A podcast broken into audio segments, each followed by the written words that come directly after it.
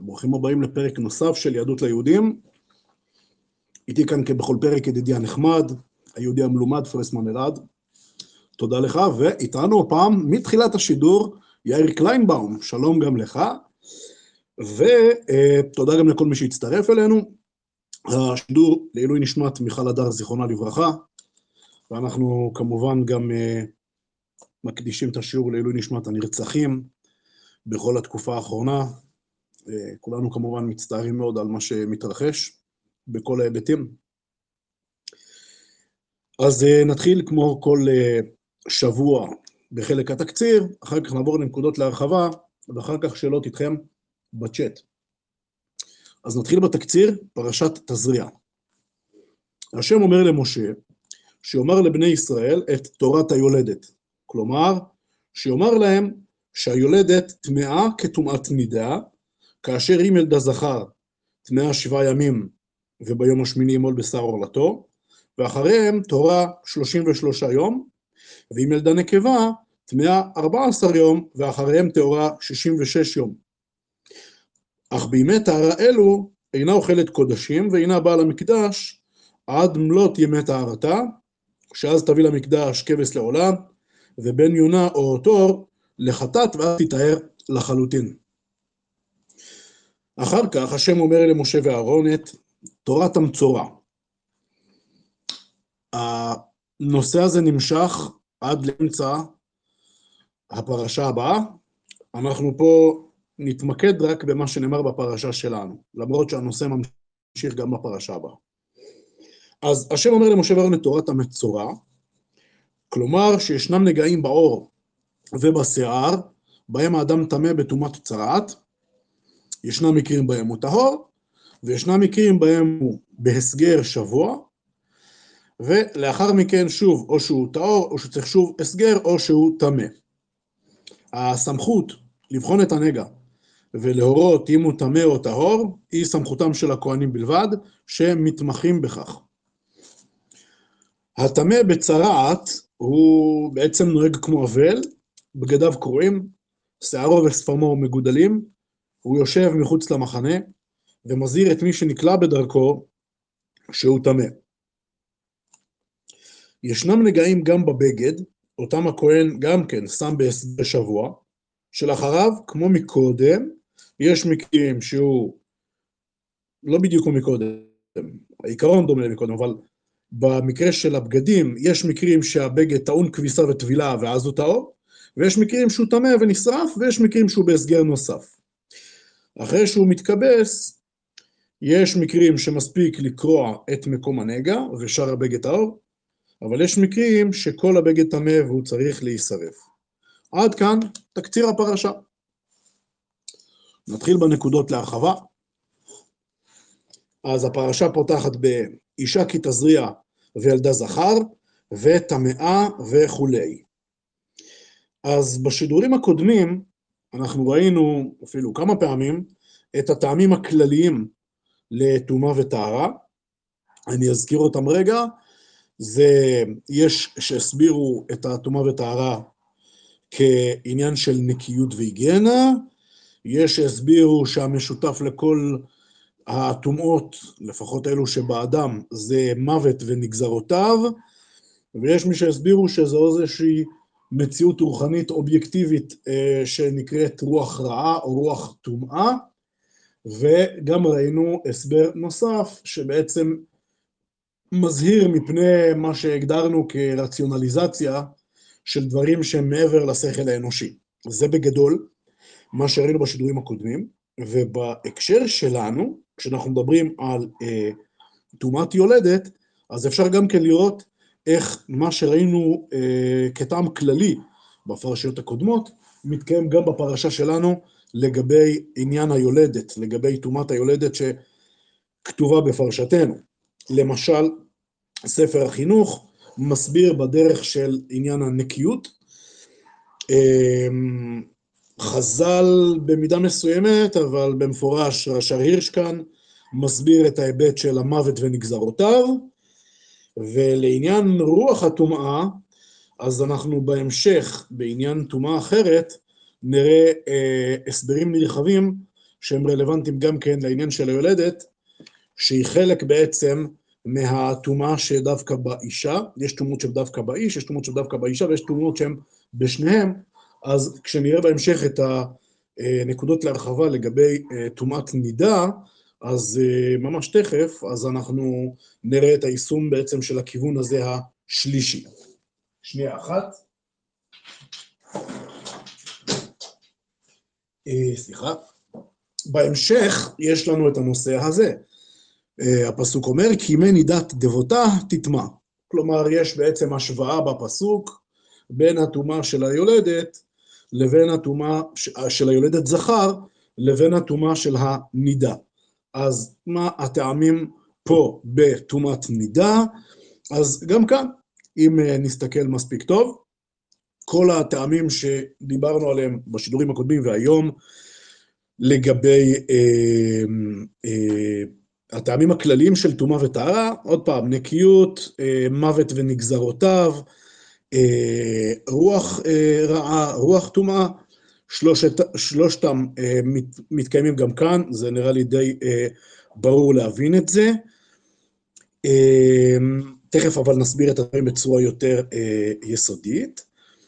ולפני שנראה את הטעמים המיוחדים לגבי הטומאה הספציפית הזו של נידה, רק אה, נזכיר את דבריו של אה, רבי יהודה הלוי בספר כוזרי, לא מה שדיברנו בפעמים הקודמות, אלא משהו אחר, אבל באותו כיוון, שבספר כוזרי הוא כותב בעניין הטומאות של הנידוד והזבות, בין באיש, בין באישה, כן, גם יש באיש זב ובאיש זבה, אז לגבי הנושאים האלה הוא כותב שהם עמוקים משכלנו, ממש ספציפית על העניין שלנו, וזה ממש כמו מה שהוא אמר באופן כללי על הטומאות, ובאופן כללי הקורבנות, האזהרות שלו מפני רציונליזציה, אז אנחנו ממשיכים ממש ממש באותם כיוונים בכל התתי נושאים שלנו פה בענייני טומאה וטהרה.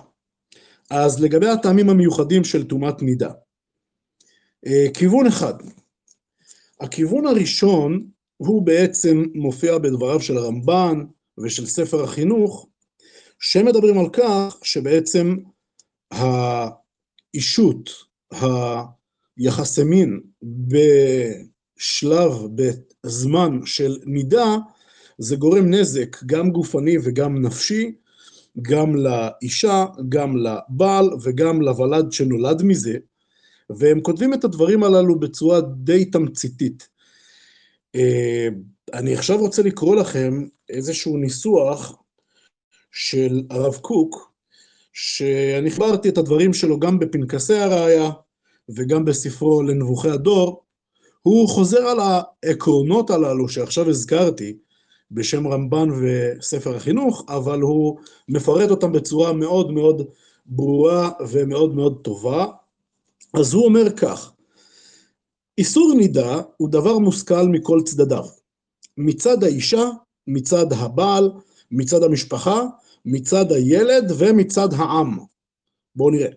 מצד האישה, להציל כבודן ולהטיב גורלן, שלא יתעללו בהם גברים פוחזים וגסים, בזמן שהחיבור לא טבעי להן, שרוחה נוטה לעצבות.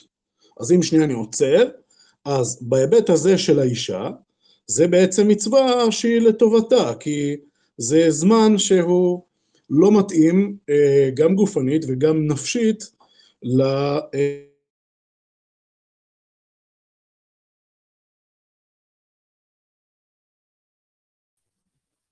הלו? רגע, נראה לי uh, החיבור שלך פעם היה קטוע. Uh, בפעמים הקודמות גם שמעתי קצת קטיעה, אבל זה יותר הגיע ממני. Uh, אז רגע, נחכה רגע שהחיבור שלך יחזור. הלו? כן, אני שומע אותך משום מה. someone please call 911. אה, קליינבאום.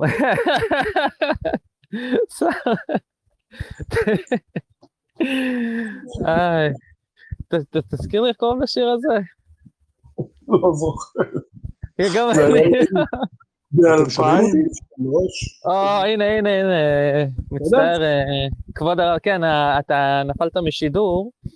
אה, בדיוק כשהתחלת להסביר את הטעמים של הנידה, אני לא יודע, ואז התחלת להגיד על העניין, את הפרשנות של אחד האנשים שהתחיל להגיד שזה לא טוב גם לגופה וגם לנפשה, ושם זה נקטע. אה, אז ממש ממש בהתחלה. כן. אה, אוקיי, אז אני אחזור שוב.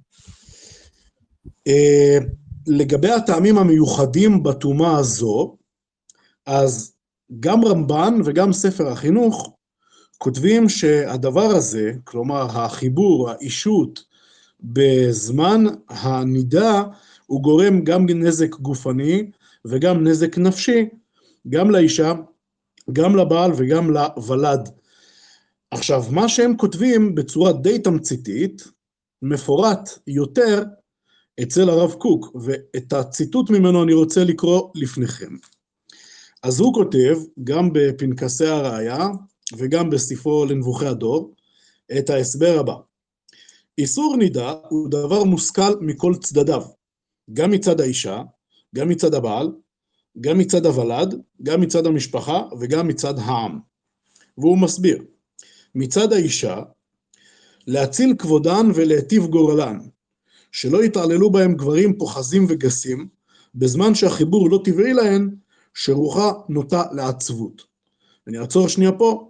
אז בעצם הטעם של המצווה הזו, בהיבט של האישה, זה כי החיבור הזה פשוט לא מתאים, גם מבחינה גופנית וגם מבחינה נפשית. מצד הבעל, הוא ממשיך ומסביר, שלא יאמץ התנהגות גסה. בהמשך אנחנו נפרט יותר את ההסבר הזה, אבל בשלב הזה נגיד בקיצור, שזה בעצם מסגל יכולת איפוק, יכולת uh, להבין שלא תמיד מה שאתה רוצה הוא רלוונטי. זה uh, מצד הבעל. מצד הוולד, שהוולד לא יהיה בעל חסרונות נפשיים, ולא בעל נגעים. כלומר, בעת הזאת שהאישה נוטה לעצבות, הנולדים מעת כזו הם רחוקים מרוממות נפש. ומצד המשפחה, שזה גורם במשפחה לחיי אהבה שאינה תלויה בדבר, זה גורם לחיי משפחה המרוממת את נפשה. ומצד העם, זה ומצד העם זה פועל על הבית הישראלי להרבות ילודה, שכוח ההולדה יהיה בעת הנכון, כי בזמן וסתה העיבור נדיר והילודה תתמעט. כלומר, לפי ההסבר של מצד העם, זה בעצם היכולת אה, הולדה היא חלשה או כמעט לא קיימת בזמן הזה, בתקופה הזו.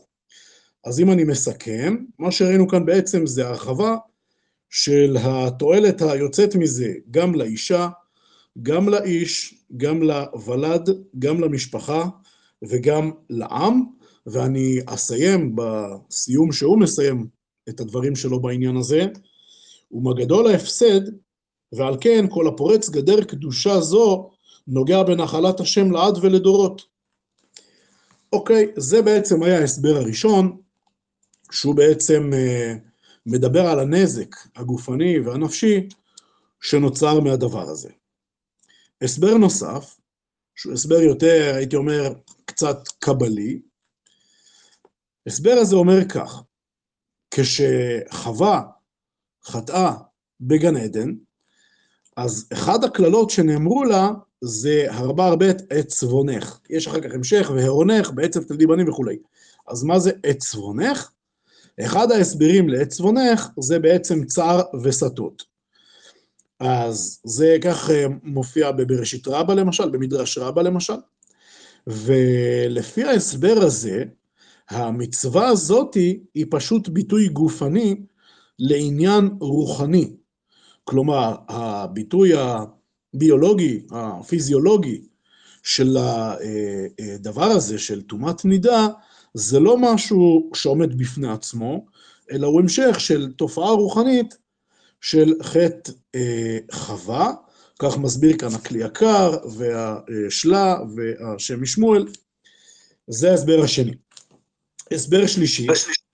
והרב, אנחנו רואים אה, מה שקרה באוסקר, שאחד השחקנים הכה את השחקן השני מול הבמה, מול כל העולם, זה כי הוא נטוי בדבר מאוד מוזר, שקוראים לו יחסים פתוחים, והנה אנחנו רואים במוחש איך פריצות וזנות כזאת מטמטם את המוחות של כל אה, האנשים המעורבים בדבר, עד למצב של אלימות מול אה, מיליוני בני אדם. ואגב, בסוף, בסוף של זה גם אתה מקבל אוסקר במחיאות כפיים, אז בכלל, משהו משהו. אז uh, יאיר קליינבאום, שמכנה את עצמו מנחש התוספותים, הוא אכן שוב מנחש תוספותים, כי ההסבר השלישי שאני עכשיו רוצה לקרוא לכם, הוא בדיוק מדבר על הדבר הזה, ממש ממש ממש על זה. אז uh, הנה. זה הרב, זה ה... זה השיר שלי, סתם, סליחה. כן. אז ההסבר השלישי הוא בעצם אה, שורשו כבר בתלמוד. ובתלמוד רבי מאיר אומר דבר מעניין מאוד. אני אקרא לכם. מפני מה אמרה תורה נידה טמאה לשבעה ימים? מפני שרגיל בה וקץ בה. אמרה התורה, תהא טמאה שבעה ימים, כדי שתהא חביבה על בעלה כשעת כניסתה לחופה. ומה שבתלמוד כתוב בקיצור, מתבאר באריכות יותר, למשל בספר החינוך, אני אקרא לכם אותו גם כן.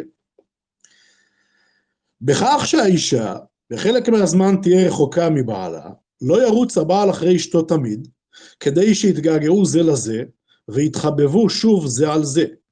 של רוב התמדת הקרבה ביניהם, יקוצו זה בזו, ויתנו עיניהם באחרים ובאחרות, כמו שיקרה ברוב האומות שאין להם גדרות כמו שיש לנו. וזו תועלת גדולה שגילו לנו רבותינו, זיכרונם לברכה. אז הנה, בדיוק כמו שיאיר אמר, מסביר כאן ספר החינוך, שעל ידי זה שיוצרים ריחוק, אפשר ליצור שוב געגוע. מתי שתמיד יש קרבה, זה נשמע הרבה יותר טוב, אבל זה לא נכון. כי כשיש תמיד קרבה, אז יש התרגלות ויש מיאוס, וכמו שהוא מטען פה, כמו שהוא...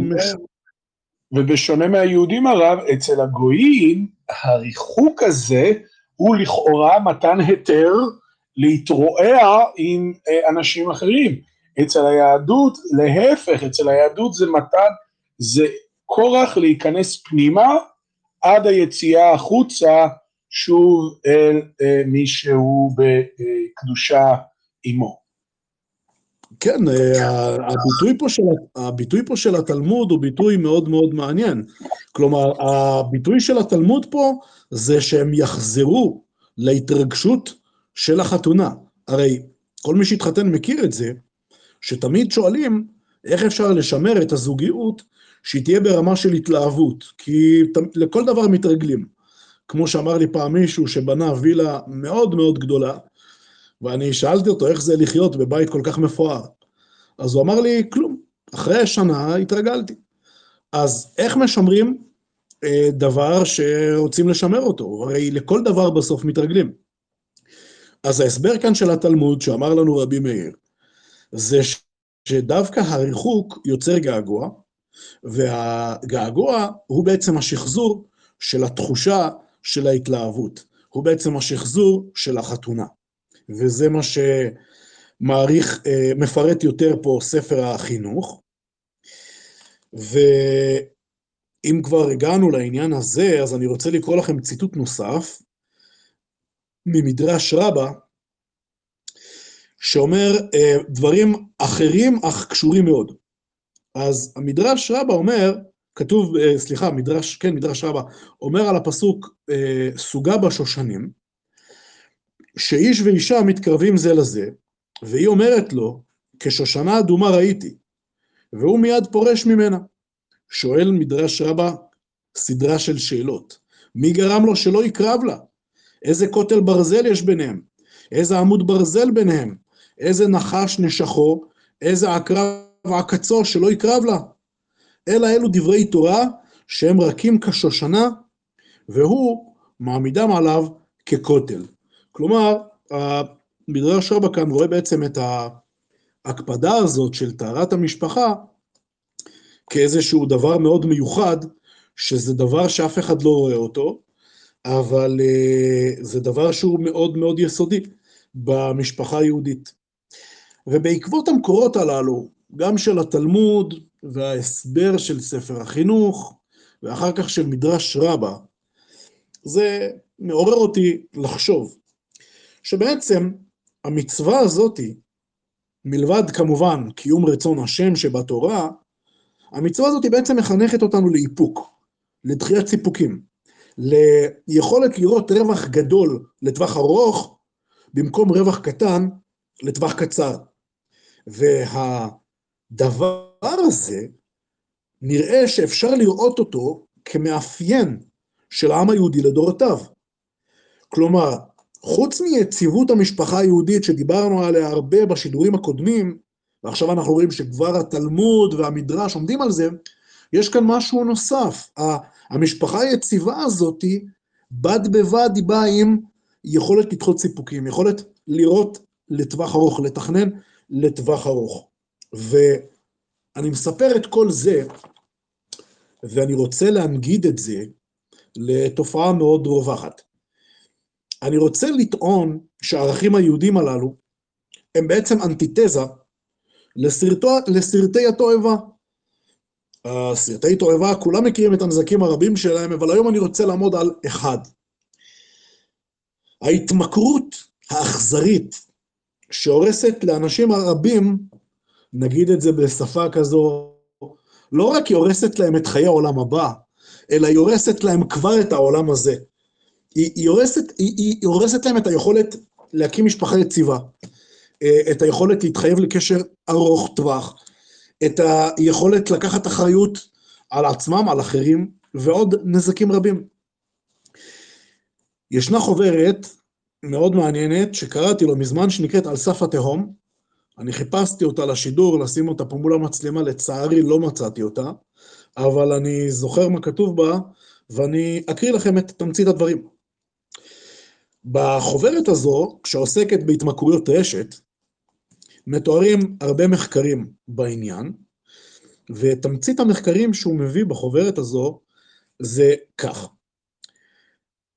התמכרויות רשת, בדיוק כמו סמים, הם יוצרים תלות שהולכת וגוברת כל פעם, כדי לחוש שוב את אותה הנאה שנוצרת על ידי הורמוני ההנאה שבמוח, אלא שההנאה הזאת הולכת ונעשית חסרת אה, סיכוי אה, במינון הקודם, אלא יש צורך להגדיל אותו שוב ושוב, וכך אדם הולך ושוקע יותר ויותר בהתמכרות שלו. הנקודה המרכזית שהחוברת הזאת מחדשת, לפחות לי, זה שהמגוון הרב של סרטי התועבה הוא מה שגורם להתמכרות הזאת ביתר שאת. ואיך הם הגיעו למסקנה הזאת? בניסוי מאוד מעניין שהם עשו על חולדות. בניסוי, לא הוא, כן, זה חוברת שמכון מחקר שרק מציג מחקרים אחרים, אבל הניסוי שהם מציגים שם זה ניסוי שערכו בחולדות, בו הם פשוט רצו למדוד את ההתנהגות המינית של חולדה ממין זכר.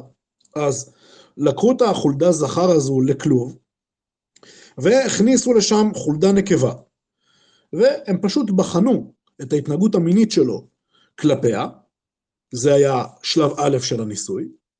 לעומת זאת, חולדה זכר אחרת, שמו לו בכלוב כל פעם חולדה נקבה אחרת.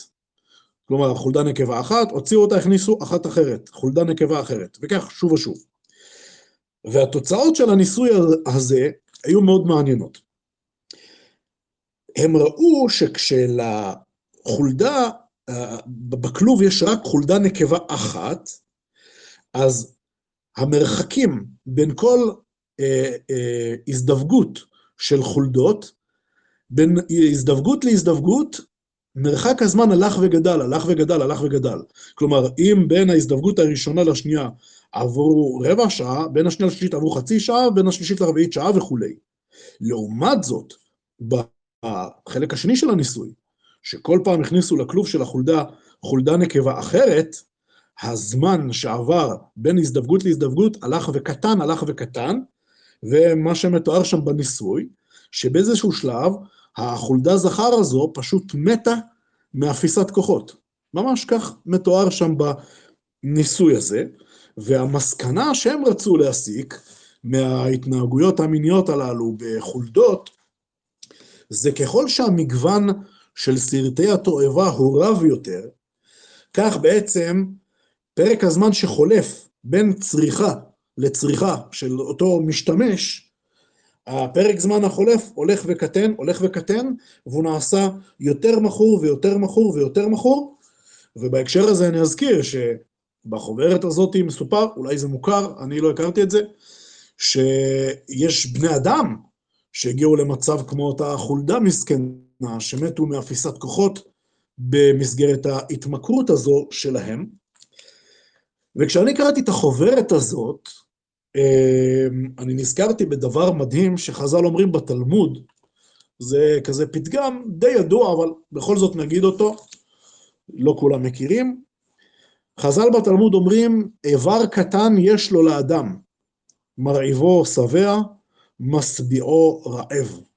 כלומר, המנגנון של הנפש של האדם הוא לא בנושא הזה, בתחום הזה, בתחום המיני, הוא לא עובד בדומה למערכות אחרות, אלא שמה דווקא ככל שהגירוי עולה, אז הבן אדם לא הופך להיות יותר רגוע, יותר שבע, אלא בדיוק להפך, הוא הופך להיות יותר רעב.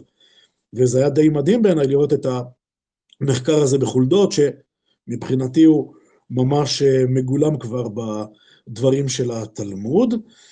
את הנקודה הזו אני אחתום בציטוט מדבריו של רמב"ן, שאפשר לראות אותם כהסבר, כהרחבה, לדברים של חז"ל בעניין הזה. והוא כותב כך: כי המתאווה לזימת הנשים היפות, כשיהיה שטוף בזימתן, תבואהו תאווה לבוא על הזכר ועל הבהמה, וכיוצא בזה בשאר התאוות.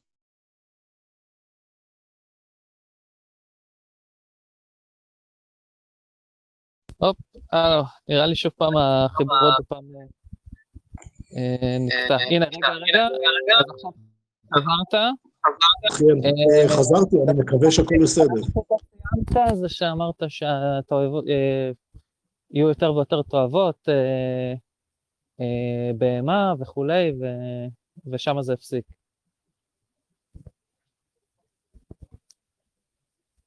רגע, הלו? אוי, עכשיו עוד פעם לא שומעים.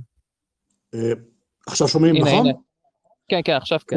אני פשוט צריך לזכור, אחרי שאני יורד משידור, להחזיר, לפתוח את המיקרופון. אה, זה מה שקרה פה כנראה, כן, כן. אה, אז מה שאני רואה בדברי הרמב"ן, זה ממש הרחבה של העיקרון הזה של חז"ל. כי הוא בעצם אומר שהדבר הזה הוא כמו מין בור ללא תחתית, כלומר, זה אף פעם לא נגמר.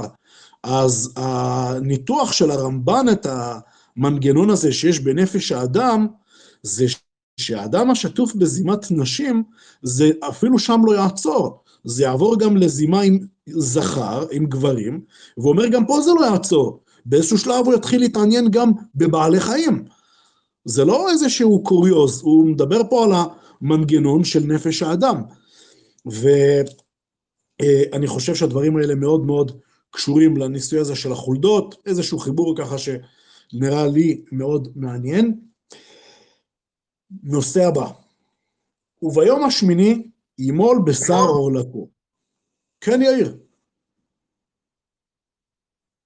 כן, הרב, רק רציתי לומר, אני, יש לי תיאוריה שהיא מושפעת מהמקרא, שטוענת שלמעשה, בגלל שהיהדות היא כל כולה עניין של לקדש, לשבר ולקדש את הטבע, אה, ואת האדם כמובן, ולברר את, ה, את הנפש שלו.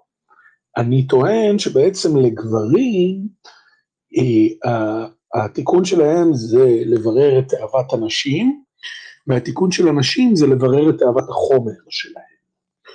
ובעצם אלוקים, בזה שהוא אומר, את ה, נותן את הדבר הזה, הוא בעצם אומר, אוקיי, ככה אני נותן לכם מכשיר איך לברר את זה אחרי הנישואים, ולפני הנישואים, כשיהודי נושא לאישה אה, אישה ומקבל ממון מאביה, הוא בעצם מברר את התאווה של האישה, בזה שהוא אומר לאישה, האישה יש לה קונפליקט בין כסף וילדים, מה היא מעדיפה יותר, את, את עצמה, את הסגנון חיים שלה או את הילדים, כן? כי היא תמיד תצטרך לעשות פשרות, אלא אם כן היא באמת מיליארדרית. ואז הוא בעצם אומר, אני אדאג שהאבא של הבת ייתן לה כסף כדי שהיא לא תצטרך להיות בקונפליקט הזאת. אבל מה עם הגבר? הגבר לכאורה, יש לו את האישה, הוא כאילו לכאורה יכול לעשות בה פחות או יותר אה, כרצונו, למרות שהיא עצמה מצווית בנידה ולכן הוא לא יכול, אז הוא בא ואומר לאישה, את, כמו שאני הפכתי את החיים שלך עכשיו, אני ביטלתי את הקונפליקט הזה של כסף או ילדים, כדי שתוכלי לפרוט ולרבות על ידי זה שאביך נותן לך כסף, אני עכשיו משתמש בך כדי לברר את תאוות הבשר של הגבר, תאוות הנשים, על ידי זה שאני מצווה אותך במצוות הנידה. אז בעצם ככה נוצר איזשהו סייקל ב, ב, ביהדות, שבה הבת מתחתנת, האב מממן את, את, את הסיפור הזה, ואז ברגע שהיא עוברת לגבר אחר, הבת היא עצמה כבר אה, מאלפת את הגבר האחר באמצעות הנידה. וככה הקדוש ברוך הוא בעצם יותר יוצר זכרים יהודיים טהורים, אה, ממש במעין מעגליות אה, מאוד מעניינת. יפה, יפה מאוד, אני מסכים, אני בהחלט חושב שמה שנוצר, אם הייתי צריך לסכם את כל מה שאמרתי, מה שנוצר כתוצאה מהמצווה הזו, אלו בעצם א', משפחות, שכמו שהרב קוק ניסח את זה, משפחות שיכולה להיות להן גם אהבה שאינה תלויה בדבר, ויכולת uh, לדחות סיפוקים. יכולת לדחות סיפוקים, זה דבר מאוד בסיסי, מאוד uh, קריטי, מאוד חשוב. Uh, בהחלט, נכון. תודה. אז הנקודה הבאה, וביום השמיני ימול בשר עורלתו.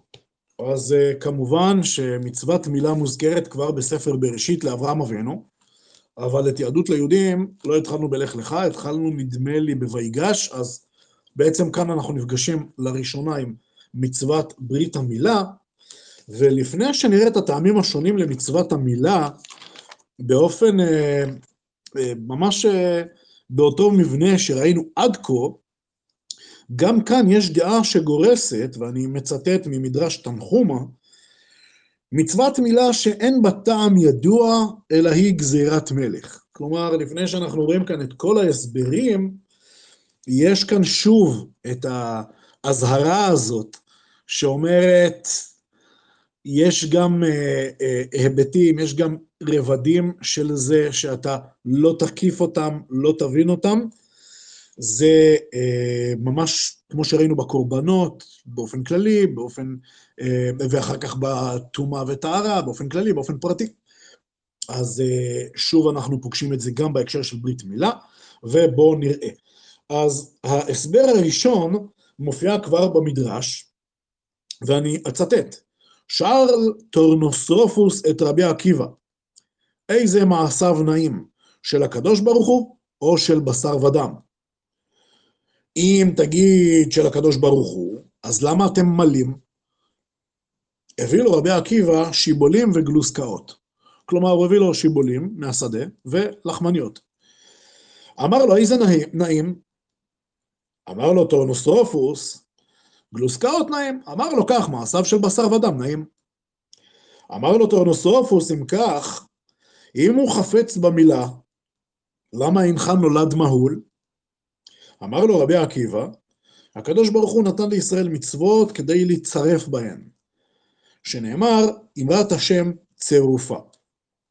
כלומר, כבר בשלב הזה אנחנו יכולים לראות איך בעצם טורנוסרופוס, שהוא חצי פוליטיקאי, חצי פילוסוף רומאי, הוא בעצם כמובן מאליו, כברירת מחדל אה, מחשבתית, רעיונית, יש לו בעצם את הסגידה לטבע, רבי עקיבא מדבר איתו על משהו אחר, היכולת של האדם לשלוט בטבע, לשנות אותו, ולכן אה, טורנוסרופוס, אה, כממשיך של התפיסה הקלאסית של יוון, לא מצליח להבין למה לעשות ברית מילה, למה לפגוע בטבע המושלם.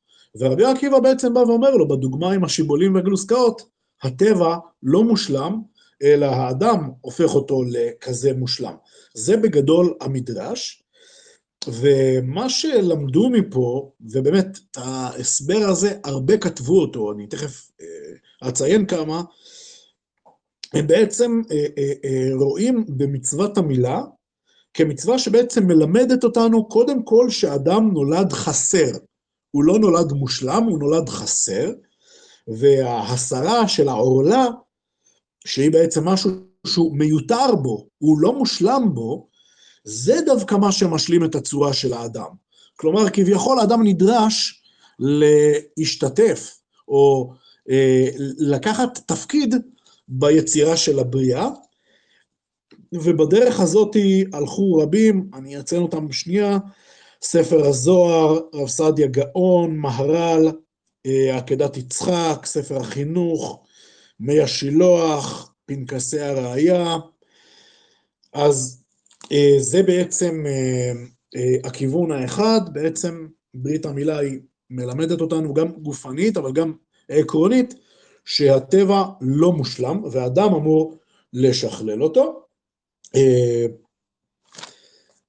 עוד משמעות שעולה מהדיאלוג המעניין הזה בין אה, רבי עקיבא לבין אה, טורנוסרופוס, זה הסבר שמסביר אותו אור החיים, והוא בעצם אומר שרבי עקיבא בדיאלוג הזה, הוא בעצם רמז לו, שתל כל מיני רמזים.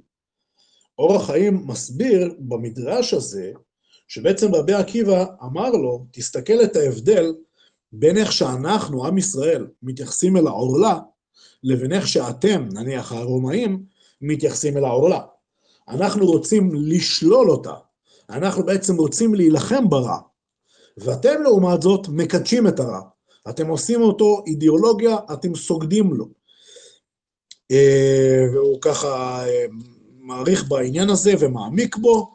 יש לו פה הסברים שהם קצת קבליים, אז אני לא מצטט את כל העניין, אמ, ומוסיף אור חיים ואומר הסבר, אה, רמז נוסף שרבי עקיבא אמר לטורנוסטרופוס, זה בעצם שכל המצוות הם נועדו לצרף. מה זה לצרף? כמו עבודת הצורף, שהוא בעצם לוקח את המתכת שיש בה כל מיני רכיבים, ובחום מסוים הן מתחילות להתפרק אחת מהשנייה, אז כך גם המצוות הן בעצם אמורות לזכך אותנו, כיוון שאנחנו לא מושלמים, הן אמורות לקדם אותנו לקראת היעד הזה, אה, ובעצם לתקן אותנו עוד ועוד. זה בעצם ההסבר הראשון ביחס לברית המילה. הסבר נוסף, זה בעצם הסבר שגם כן רבים אה, התייחסו אליו, הוא בעצם רואה בברית המילה כבעצם מה שנותן לאדם, הנימול, ליהודי, את היכולת לשלוט בתאווה המינית שלו.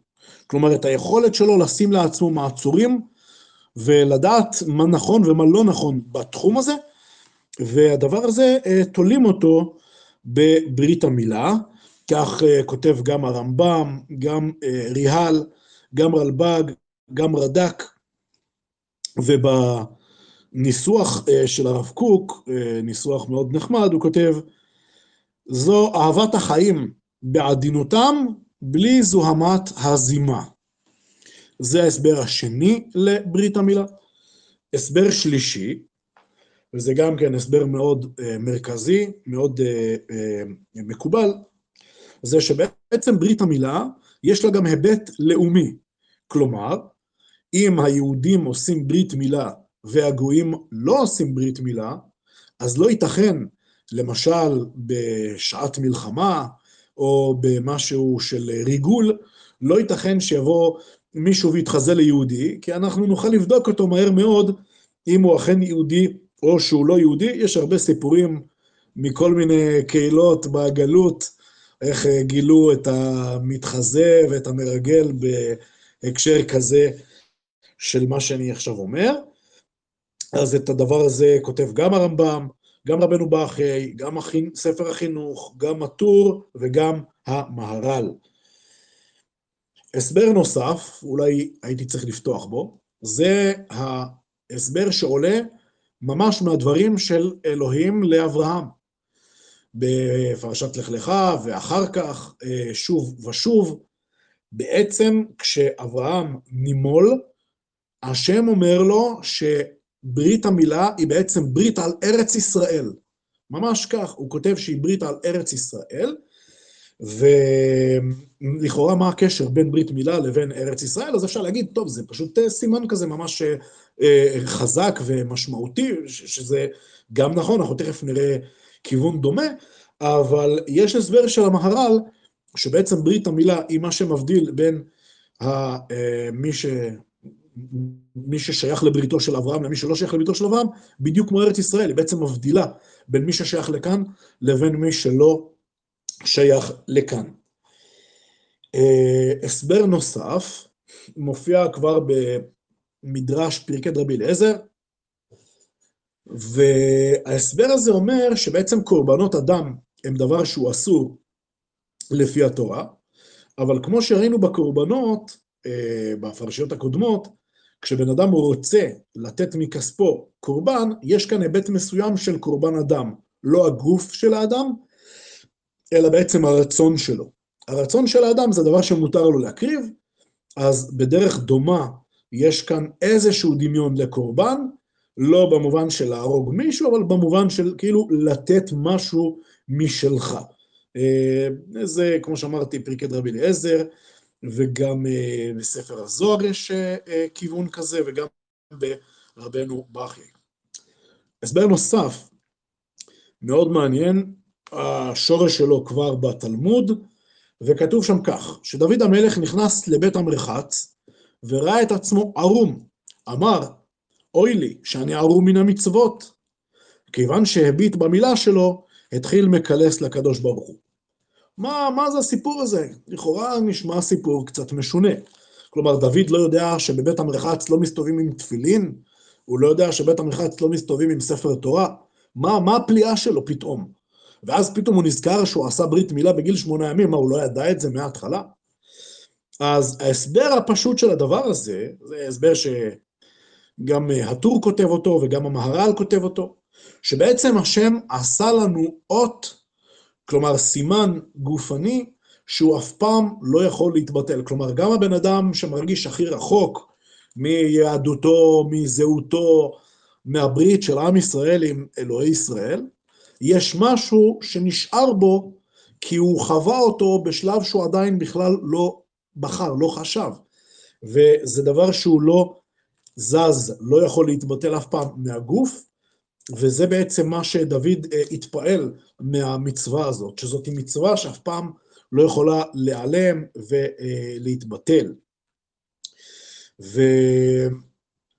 ורד"ק מסביר בצורה מאוד מעניינת את המדרש הזה, והוא אומר בעצם כך, אם הנקודה זה בעצם שיהיה לנו בגוף איזשהו סימן, אז אפשר לעשות סימן גופני אחר, יש הרבה אפשרויות איך לעשות איזשהו סימון בגוף. ומסביר הדק שזה נעשה דווקא באיבר הזה, כי הוא כותב כך, האיבר הזה, בו יעשו רוב העבירות, ולכן כשיבוא לעבור עבירה, יראה האות ויימנע. כלומר, כשאדם רואה שהוא מהול, הוא בעצם שואל את עצמו, רגע, למה אני מהול? מה הדבר הזה אומר? מה המשמעות של זה? וזה, טוב, כמובן שזה לא יכול להיות תמיד, אבל זה בהחלט יכול להיות דבר שהוא אה, משמעותי לתפיסה של האדם, את הזהות שלו, היהודית. אה, זה ההסבר הזה. הסבר נוסף, אה, הסבר של ספר מי השילוח. מי השילוח בעצם אומר שכשאנחנו עושים ברית בגוף, אנחנו אומרים שאנחנו לא מאמינים באלוהים רק של הרוח, אלא גם הגוף שלנו הוא אלוקי במובן הזה שהוא שייך לחלקו של השם, ככה הוא כותב, ובניסוח דומה אה, אחר, אבל אותו עיקרון, כותב גם אה, פנקסי הראייה. ופנקסי הראייה אומר שבעצם ברית המילה היא המימוש של האידיאלים הרוחניים המופשטים גם במעשים, גם בפעולות, כך שהאדם, כך הוא כותב, התשוקה המינית שלו לא תתנגד לתשוקות העדינות שבנפשו. הוא בעצם יכול אה, אה, לראות את ההרמוניה בין עולם הרוח לבין עולם החומר, וניסוח אחר של הרב חרל"פ בספר מי מרום, הוא כותב שהדבר הזה מראה שקדושת ישראל היא לא רק עניין חיצוני, אלא בעיקר דבר עצמי שלא משתנה. אוקיי, זה ההסבר הזה. אחרי כל ההסברים הללו, יש הסבר שנאמר בדורות האחרונים, וההסבר הזה הוא בעצם יותר, הייתי קורא לזה פרקטי. אה, אני מציין אותו בכל זאת, כי זה משהו שהרבה אומרים אותו, אז אני מזכיר אותו. ההסבר הזה בעצם מדבר על כך שהעורלה היא בעצם אה, מקום שהוא מאוד מועד להתרבות של גידולים או חיידקים, אז בעצם הסרת העורלה היא דבר שיש בו גם תועלת בריאותית. אני לא חקרתי את הנושא הזה לעומק, אז אני לא יכול לקבוע מסמרות בעניין הזה, אבל אה, זה הסבר ששמעתי אותו לא מעט, אז אני מזכיר אותו בכל זאת. אה, כן, בבקשה, יאיר, אני סיימתי את הנקודה הזאת. הרב הנסתר, אני עשיתי ניסוי, אני התקנתי עורלה, לא, אני צוחק. אה, הסיפור הוא, לגבי העניין הרפואי כאן, הוא וזה באמת מדהים כמה הראיות הרפואיות הן חד משמעיות. ואיגוד רופאי הילדים האמריקאי, שנה אחר שנה, במשך 65 שנה, מחדש כל שנה את ההמלצה למול את התינוקות הזכרים, ובמשך, וב-65 שנה האלה בערך 70 עד 75 אחוז מהתינוקות שנולדים בארצות הברית הם ממולים, הם מלאים אותם.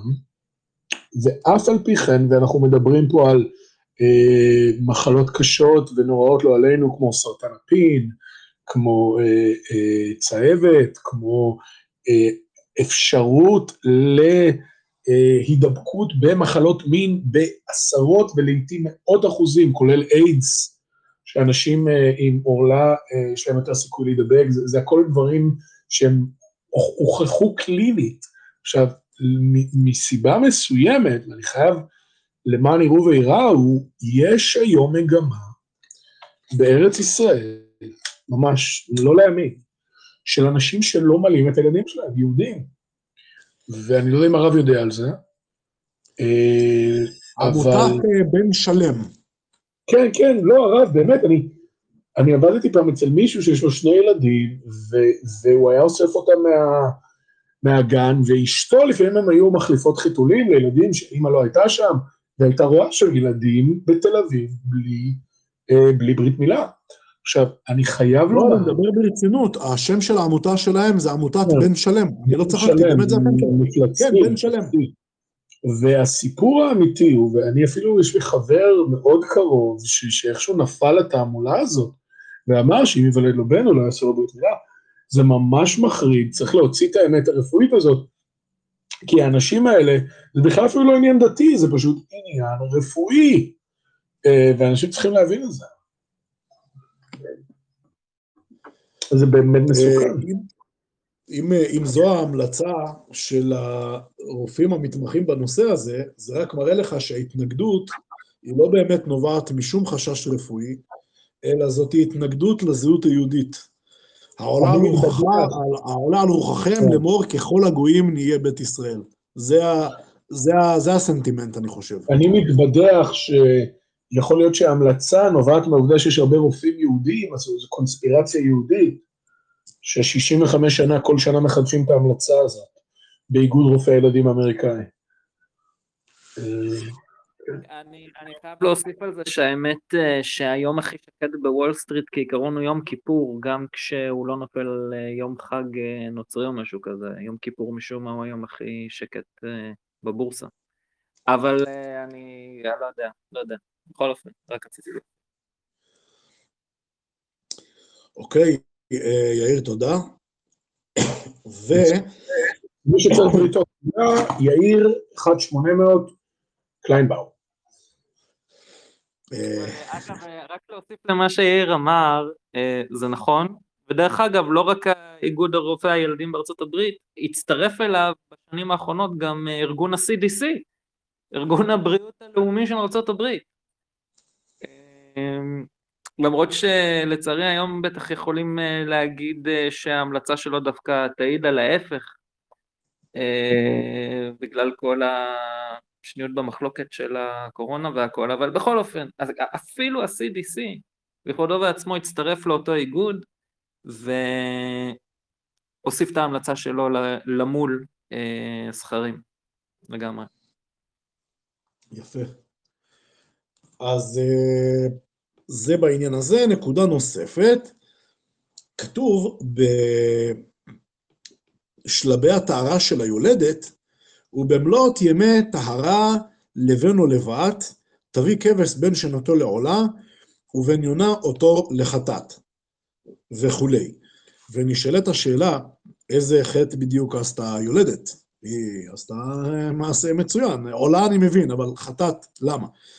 אז בפשטות, במדרש הנקרא ספרה, הוא כותב מפורשות שהקורבן אמנם הוא מסוג חטאת, אבל הוא אכן לא בעל חטא, הוא רק נקרא כך, כמו כל הצמדים של החטאת ועולה, חטאת ועולה, כך גם כאן, זה פשוט אה, נקרא כך, וזה אכן לא על שום חטא. ואדרבה, אה, ספר החינוך מסביר שזה קורבנות שהן בעצם הודאה על הנס, שהיא לא נפגעה מהלידה, והיא יצאה מזה בשלום, אה, הסבר נוסף לחטאת הזה של היולדת, זה מופיע בתלמוד, שם כתוב שהחטאת באה בעצם על שבועת שווא. איזו שבועת שווא? אז הוא מתאר שם שהרבה פעמים, מתוך קושי וכאב של הלידה, היולדת פשוט נשבעת כל מיני שבועות שהן לא יכולות להתרחש, כמו זה שהיא לא רוצה להתקרב לבעלה יותר, או משהו כזה, אני מנסח את זה במילים שלי, אבל זה כך אה, מופיע בתלמוד, ולכן היא בעצם מביאה את הקורבן הזה, קורבן על שבועת שווא. אה, הסבר נוסף, הסבר יותר קבלי, הוא בעצם מדבר על כך שזה לא אה, קורבן על חטא שלה, אלא קורבן על האימא הראשונה שלה, על חווה, אם כל חי, ש... אם היא לא הייתה חוטאת, ההולדה של בני האדם הייתה טבעית וחלקה בדיוק כמו הפרי שצומח על העץ. כמו שלעץ יש פירות, גם לבני האדם יש פירות, שאלו בעצם הילדים שלהם, פרי בטן, ובאופן, כלומר במציאות מתוקנת, במציאות אה, שאין בה את הנפילות ואין בה את הסיבוכים שנוצרו, אז זה היה אמור להיות ממש חלק ופשוט כמו פרי שצומח בעץ, והמציאות הנוכחית שאנחנו חיים בה בינתיים, היא כזאת שאנחנו צריכים להכיר בכך שהיא לא מושלמת, ולכן היא בעצם צריכה להביא קורבן חטאת, לא על החטא שלה, אלא על החטא של המציאות הזאת עוד מחווה. זה ההסבר של רבנו בחיי, וההסבר הזה, אה, הזכרנו אותו טיפה מקודם בהקשר דומה, אבל אנחנו נדבר על זה יותר בהרחבה בהמשך. אחר כך, נקודה נוספת, כתוב את עניין הצרעת, ושם כתוב כך: אדם כי יהיה בעור בשרו, שאת או ספחת או בהרת, והיה בעור בשרו לנגע צרעת.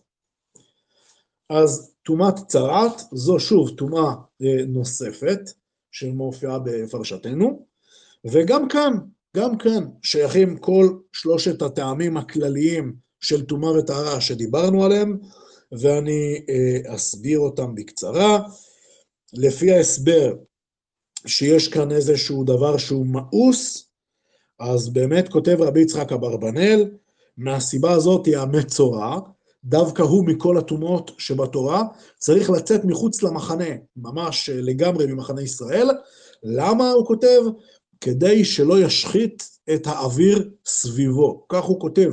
כלומר, בניסוח הזה של רבי יצחק אברבנאל, יש כאן איזשהו משהו, הייתי אומר, נגיפי, ויראלי, אה, אה, בעצם הוא רואה בצרעת כדבר מאוס, ואכן זה אותו רבי יצחק אברבנאל שבכל התאומות הקודמות גם כן הסביר בכיוון הזה. הסבר, אה, הכיוון, כיוון נוסף בטומאת צרעת, זה בעצם רואה את כל הטומאות כהסתעפות, כנגזרות של המוות, ומה הקשר במצורע? טוב, יולדת, נידה, בסדר, אפשר להבין, צרעת מה הקשר. אז בתלמוד כתוב שיש ארבעה שהם נחשבים כמו מתים. מי הם הארבעה הללו? אז אחד מהם זה אכן המצורע. ולמה הוא נחשב כמו מת? הוא לא באמת מת, כן, אבל למה הוא נחשב כמו מת?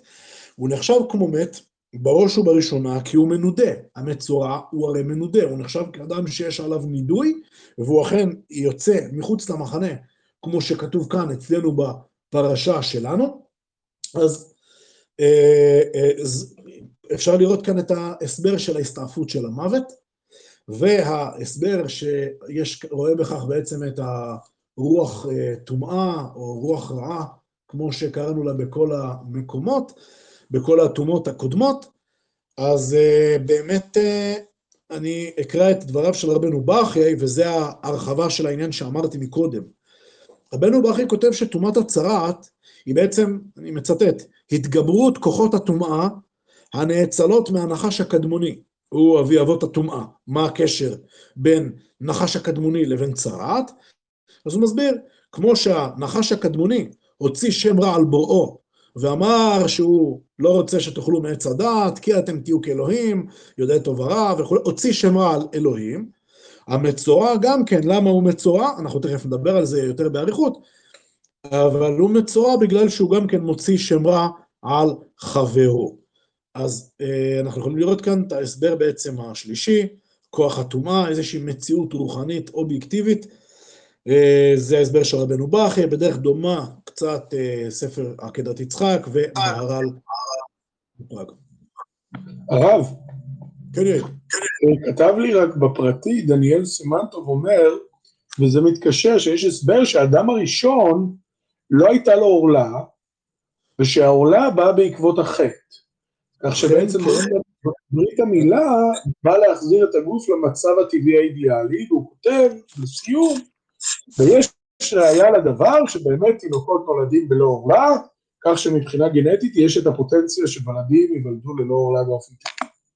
אה, דניאל סימנטוב, יפה מאוד, אני ממש מסכים עם כל מילה, ואני באמת התכוונתי תכף להגיד את זה, אבל אה, הוא הקדים, אז אה, כבר נזכיר את זה כאן. אכן, מתואר במדרש שאדם הראשון נולד מהול, וההסבר לכך העמוק, זה שזה לא רק שגופנית הוא היה כבר מהול, אלא זה אומר שלפני החטא שלו המציאות הייתה אידיאלית, הייתה ללא חסרונות, הייתה מושלמת. טוב, זאת שאלה בדיוק מה קרה שם, זה לא הנושא שלנו, לא אנסה אפילו להיכנס לזה, אבל בהחלט אה, הערה חשובה ונכונה. האדם הראשון, לפני החטא, מייצג את המציאות האידיאלית המתוקנת של לעתיד לבוא, ולכן זה מתבטא גם בגופו השלם, שהוא היה אה, נולד מהול. יפה, יפה מאוד אפילו. אה, איפה היינו? אז יפה, אז זה בעצם אה, שלושת ההסברים שראינו אותם בכל אה, סוגי הטומאה, מפרשיות הקודמות ועד היום. אבל חוץ מכל זה, אנחנו עכשיו נראה את הטעמים הפרטיים של טומאת הצרעת. אז בתלמוד ובמדרשים נוספים כתוב שהצרעת באה על שבעה דברים, שהם לשון הרע, שפיכות דמים, שבועת שווא, גילוי העריות, גסות הרוח, גזל וצרות העין. מה הקשר בין כל הדברים הללו? לכאורה הם נראים כמו רשימה לא, לא קשורה, מאוד uh, אקלקטית.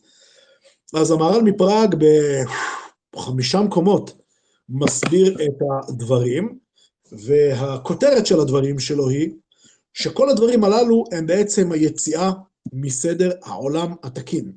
ולכן אותו אדם, הוא צריך בעצם לצאת מחוץ למחנה בהתאמה למה שהוא בעצם אה, מתנהג, גורם ליציאה של סדרי העולם.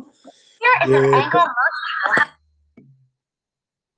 תלמיד של המהר"ל הוא הכלי יקר, הוא באמת אה, טורח לפרט בכל אחד מהשבעה דברים הללו, איך זאת יציאה מסדר העולם, אבל אה, אני לא אה, אכנס לזה שלא נלך לאיבוד פה בפרטים.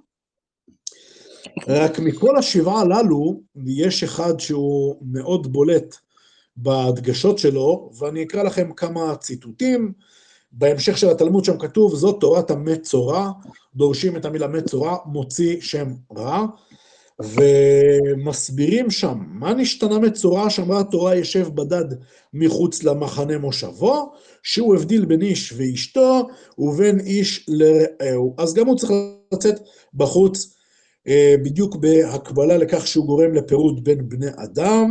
עוד כתוב שם, שזה שקול כמו שפיכות דמים, גילוי עריות ועבודה זרה, והמספר לשמרה כאילו כופר בעיקר, ויש עוד הרבה ביטויים, אה, גם בתלמוד וגם במדרשים אחרים, שמדגישים את חומרת העניין. וספר החינוך מסביר את כל הדברים הללו, ומדגיש בעיקר את עניין הלשון הרע, שבעצם יש כאן, אה, הוא קורא לזה מידה כנגד מידה, זה רעיון של חז"ל במדרש רבה, והספר החינוך מסביר שכמו שהוא מרחיק בין בני אדם בלשונו הרעה, כך אה, הוא יוצא מחוץ למחנה, והוא בעצם מבין שהוא עכשיו חווה את מה שהוא יצר לעצמו. וספר החינוך מנצל את ההזדמנות הזו, שבה הוא בעצם מראה איך העונש של החוטא מאוד מאוד דומה לחטא של החוטא, הוא מנצל את ההזדמנות הזאת כדי להסביר עיקרון עיקרון מאוד מאוד חשוב, אני חושב, במחשבת היהדות, אני אקרא לכם את דבריו בדילוגים. רבים חשבו שהשם מעניש כנקמה, וחלילה לומר כן על השם יתברך, דהינו כי אם טובה וחסד ורחמים לעולם. אלא שבמידה שאדם מודד מודדים לו, הכוונה שהעושה טוב ממשיך עליו טובה, והעושה רע ממשיך עליו רעה. משל למה דבר דומה? להולך ומתחכך בשיח קוצני ונדקר ממנו. האם הוא יכול לומר שהשם הענישו בדקירת הקוצים? הלא הוא הגרם זאת לעצמו. כך גם אדם החוטא. כל מה שהוא עשה רע, זה הביא על עצמו את אותו עונש. כמו שאמרו חז"ל, אין דבר רע יורד מלמעלה, ואני מוסיף על דברי ספר החינוך, שזה פסוק בספר משלי, שאומר, איוולת אדם תסלף דרכו, ועל אדוני יזעף ליבו. אני אגיד שוב את הפסוק, אני מאוד אוהב אותו. איוולת אדם תסלף דרכו, כלומר האדם עושה משהו טיפשי, ואז סובל מזה, ועל השם יזעף ליבו. את האחריות על הנזק הוא משליך על אחרים, והכי קל להשליך על השם, כי הוא אף פעם לא עונה לכל ההאשמות. אז אה, זה הנקודה הזו. יאיר, אתה רצית להגיד משהו? Mm, לא, שזה ממש, אה, התורה ממש אה, מסבירה לנו פה תהליך פסיכולוגי ברור של פעולה אה, לא חכמה, לא מחושבת, את, ה, את ההשלכות שלה על האדם, על ההתנהגות שלו, ולבסוף את האופן שבו הוא מתמודד עם הדבר הזה, זה ממש, ממש מעניין. זאת אומרת, אפשר לכתוב ספר על הפסוק הזה, על איזשהו מנגנון אה, פעולה, הדחקה והשלכה, שהפסוק הזה ממש אה, מתאר היטב לפני אלפי שנה. כן, בהחלט, בהחלט.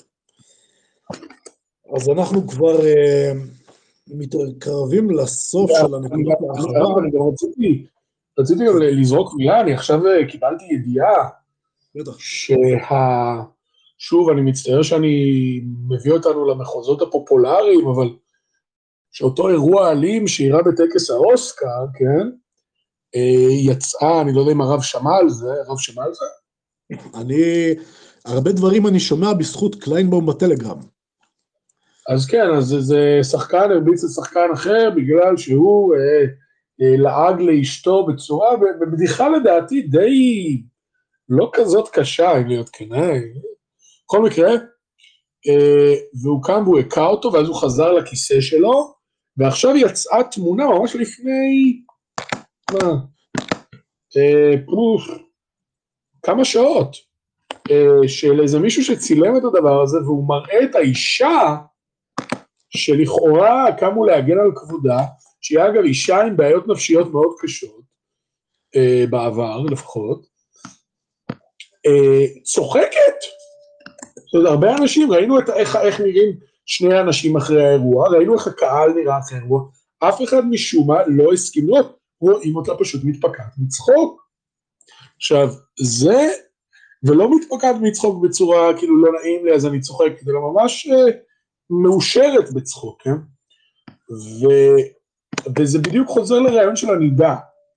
זאת אומרת, הרי מדובר פה בזוג שהוא נמצא לא ב... ב כמו ששבע מצוות בני נוח מבקשות, לשמור על, אה, על חוקי המשפחה, נכון? מהגויים.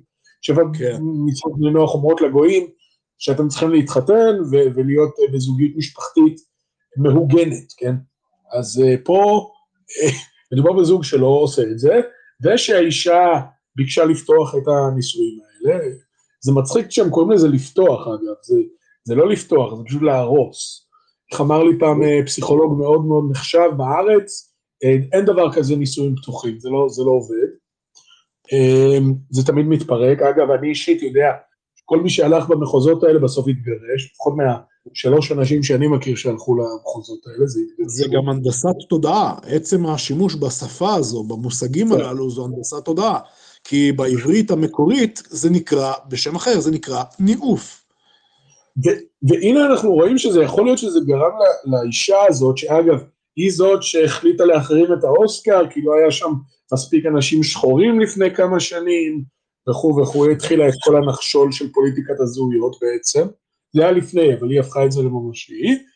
אנחנו רואים שאיך שהתורה הזהירה שאת העצב שמגיע אחרי הלידה, ואת אה, בלבול המוחין שקורה לאישה אחרי הלידה, נכון? ואת בלבול המוחין שקורה לאישה שלא שומרת על טהרה, נכון? שהתורה מזהירה מזה. אנחנו ממש רואים את הדבר הזה במוחש, לא רק בגלל שהם אה, גויים שלא שומרים טהרה, אלא שהם גויים שממש פתחו את הנישואים שלהם והפכו לאיזשהו אה, ממש פריקס, ממש איזשהו משהו מוזר, עד שהאישה הופכת לצמאת דם. וזה ממש כמו שהרב מדבר, על זה שהעצב הזה הופך להיות, כמו בפסוק שהרב דיבר עליו, אה, שיזעף ליבו על השם, אז פה אנחנו רואים שכשאדם זועף ליבו על השם, הוא גם זועף ליבו על בני אדם אחרים, שהם בצלם השם, והוא נהיה אכזר. אה, קליינבאום, אה, שומע דבר, אני מצטער, אני חייב לעזוב אתכם להיום, אני, יש לי פה בעיה עם הכלב שלי, הוא נראה שהוא מקיא ולא מרגיש טוב. Someone please call 911. בכל אופן תמשיכו, אני... זה מקליט, אני, אבל אני צריך ללכת. לא, אז אנחנו ממש רואים את העצב, את האכזריות, ואת ה... ממש כאילו רוע מסוים שנוצר מתוך העצב והאכזריות הזאת. אם אתה זוכר את השידור הקודם, אז הרמב"ן כותב שאלו שאוכלים את החיות הטורפות, הם בעצם מכניסים את הנפש של אותו דוב, או אותו נשר, או מה שזה לא יהיה, תנין. אני יודע שיש אה, בארצות הברית, חלק מהארצות יש להם נהרות שהם אוכלים את התנינים שלהם, אז אה, הרמב"ן מסביר שזה בעצם להכניס את מידת האכזריות לתוך הנפש של האדם. אז אה, לך תדע, אולי אותה צוחקת בטקסי מה שזה לא יהיה, אכלה תנינים כאלו ואחרים. מי יודע, מי יודע.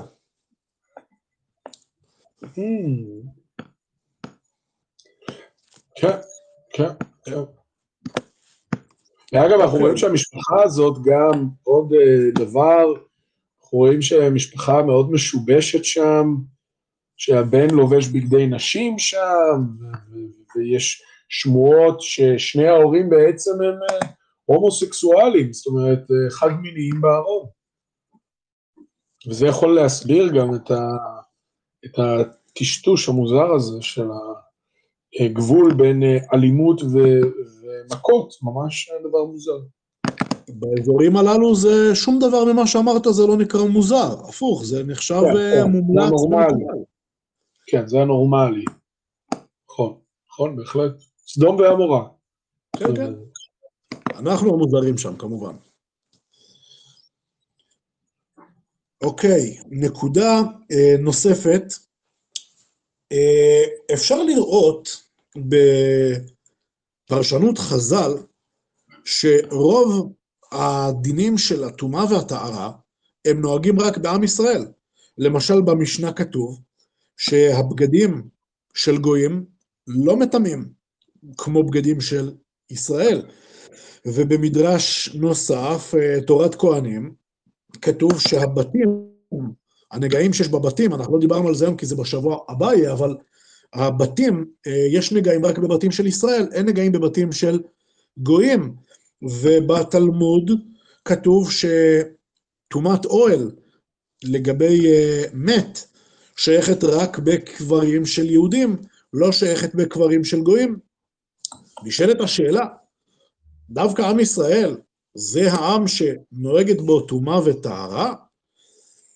אז קודם כל, בעניין הזה של הנגעים הללו והטומאות הללו, נקרא לכם את לשונו של רמב"ן. הוא כותב כך: נגעים אלו לא היו עניין טבעי, אלא כשישראל היו שלמים עם השם, הם היו שלמים גם בגופם, בגדיהם ובתיהם במראה טוב. וכשיקרה להם עוון, יתהווה כיעור בבשרו, או בבגדו, או בביתו, שזה מה שהראה לו שהשם שר מעליו. כלומר, הרמב"ן מסביר שהנגעים שמתוארים אצלנו כאן בפרשה, שהם נראים כמו משהו מאוד מאוד רע, הם היו כמו מין מצפן רוחני, שאדם יכל לדעת מה המצב שלו, נגיד את זה ככה. ועוד ציטוט קטן מדברי הרמב"ם במורה נבוכים, הוא כותב, הנגעים הללו היו אות ופלא שהיו באומה, שבעצם הם היו הם, הם דבר ייחודי, שבעצם היה מתאם בין הקיום של הנגעים הללו לבין המצב הרוחני-מוסרי של בני ישראל. ומה המשמעות של הדבר הזה?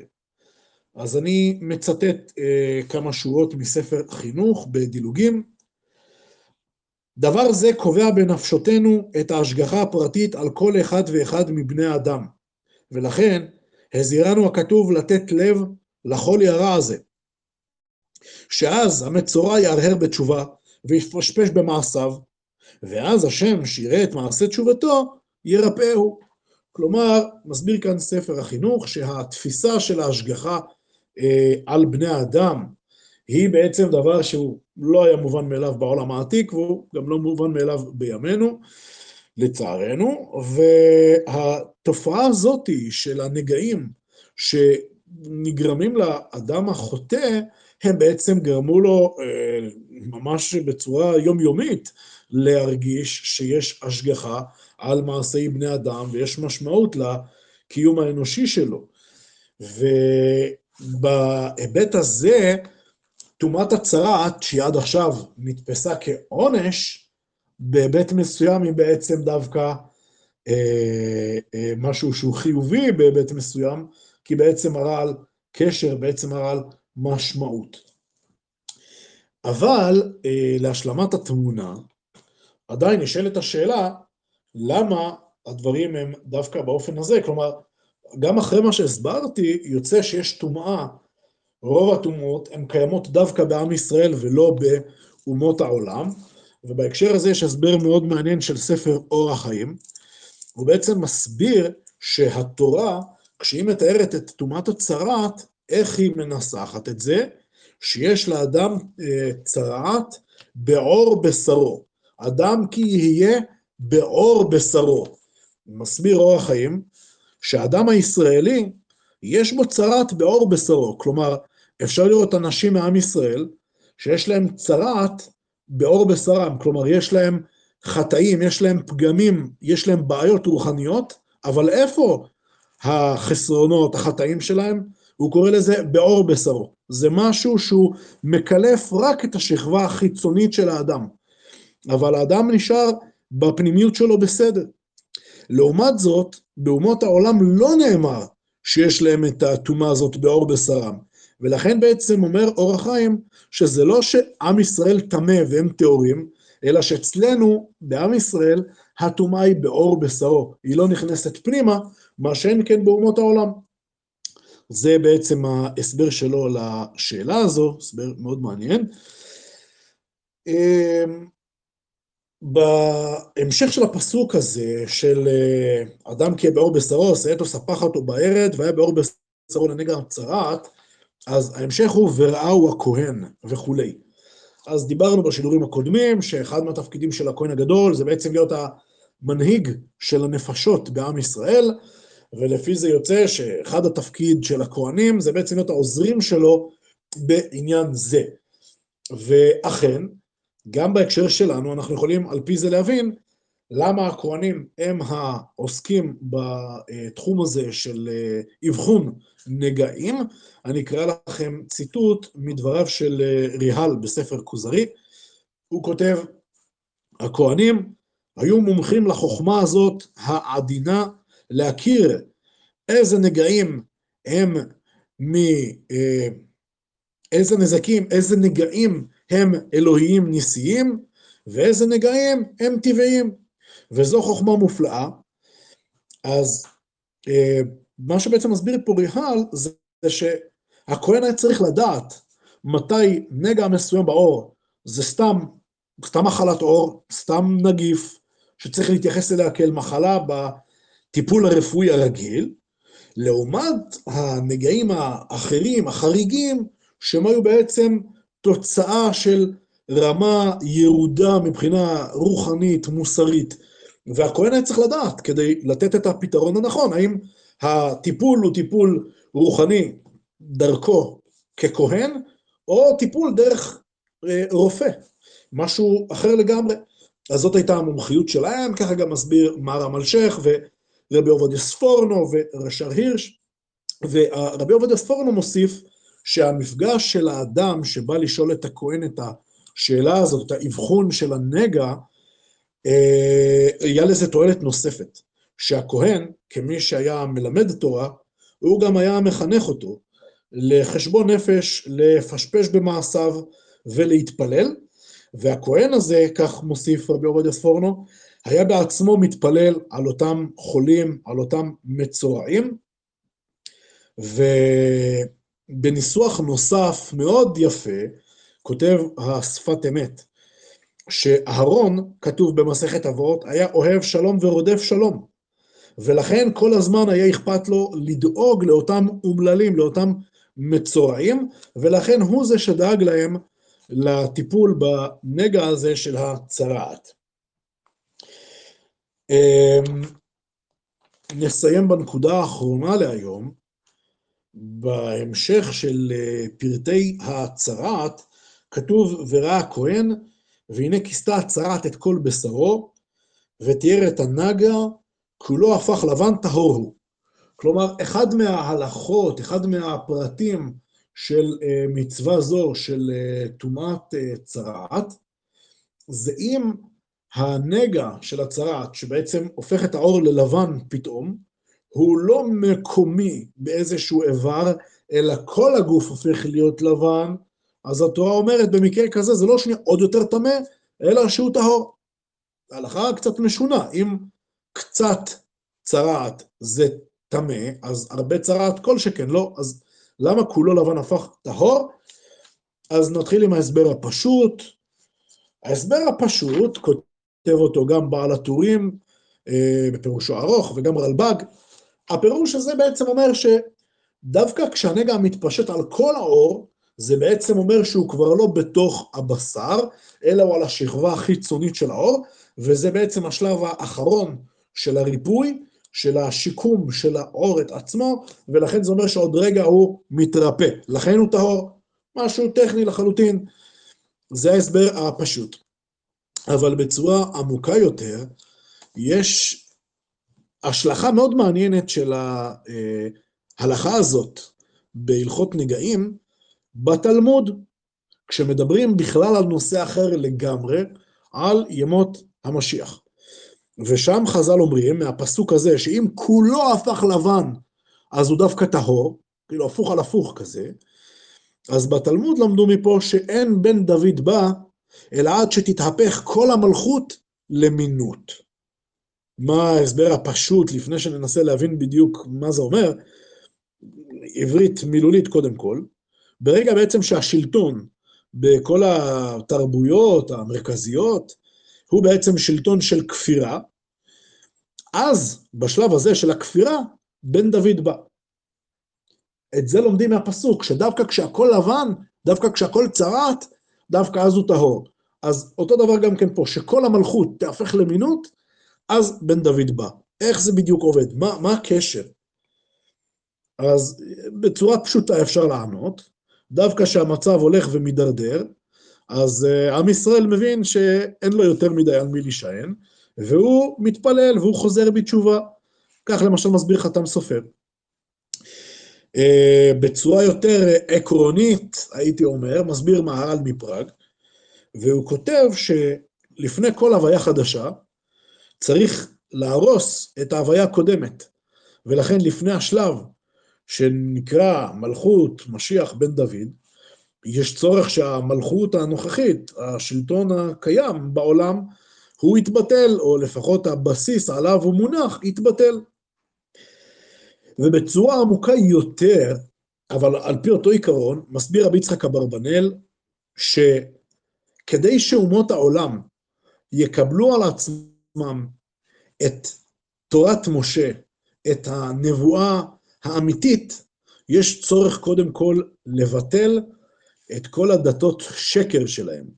ולכן מהבחינה הזאתי, דווקא הכפירה שלהם היא בסיס טוב יותר לקבל את האמונה האמיתית. אז זה בעצם הנקודה להרחבה האחרונה, ויאיר, נעבור לשאלות בצ'אט, או שאתה רוצה להוסיף משהו?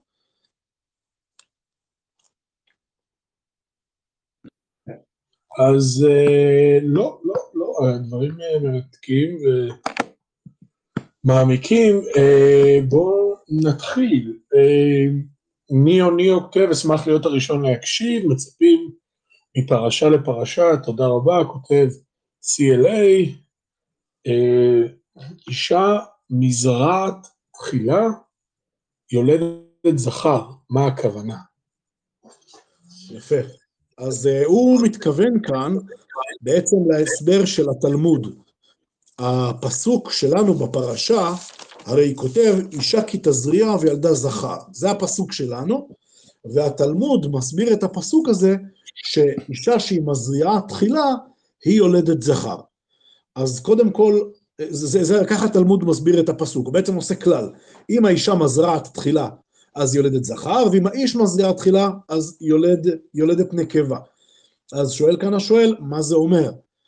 אז אני אגיד לך את האמת, אה, מי, מי השואל? השואל הוא, אה, בוא נראה,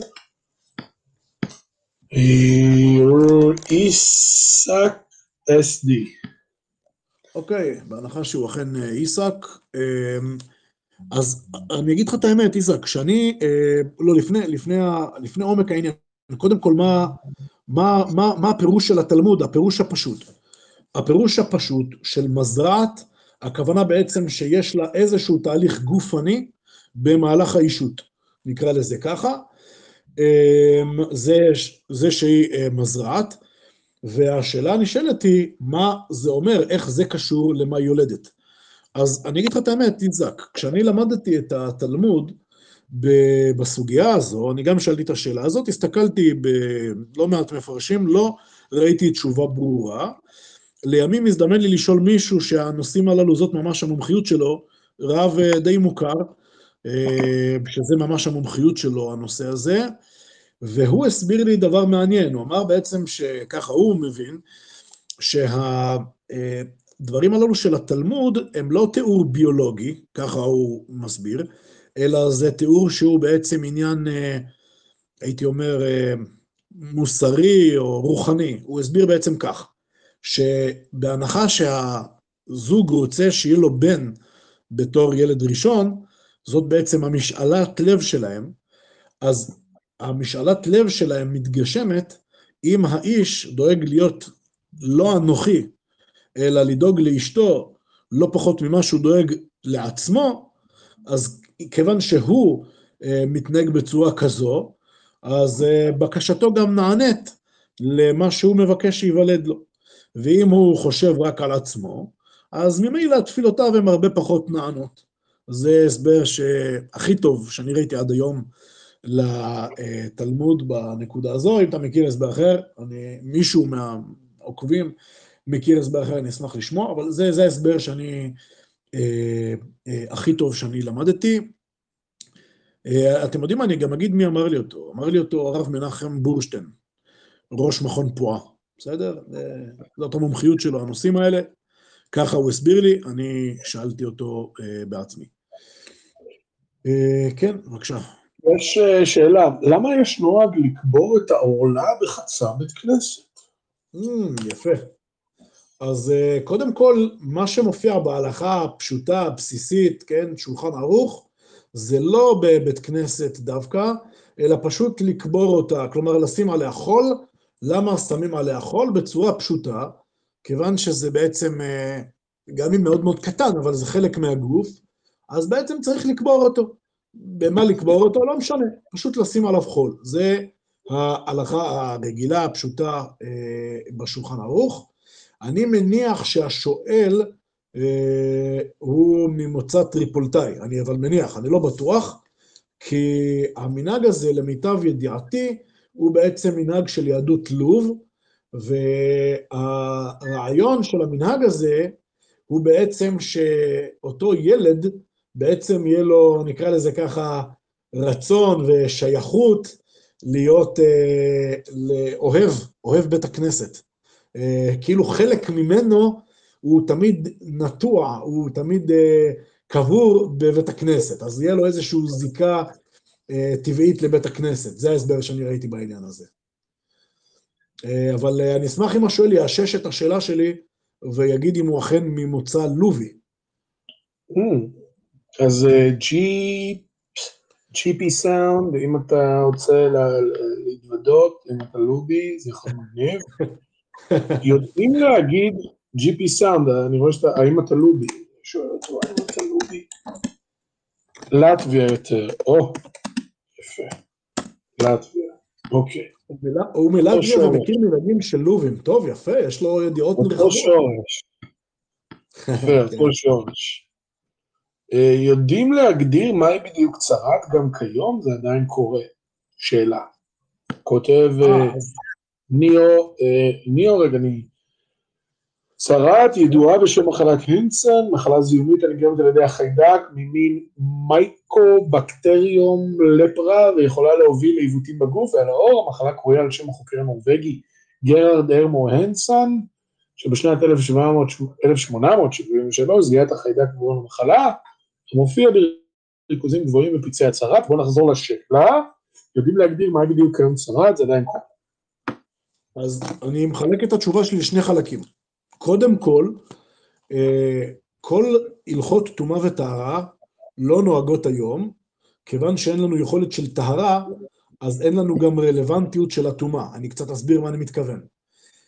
בעיקרון הכהנים, הכהנים אסור להם להיות טמאים כל הזמן, לעומת זאת אדם רגיל מעם ישראל, מותר לו להיות טמא. מה שאסור לו זה להיכנס כשהוא טמא לבית המקדש או לאכול קודשים.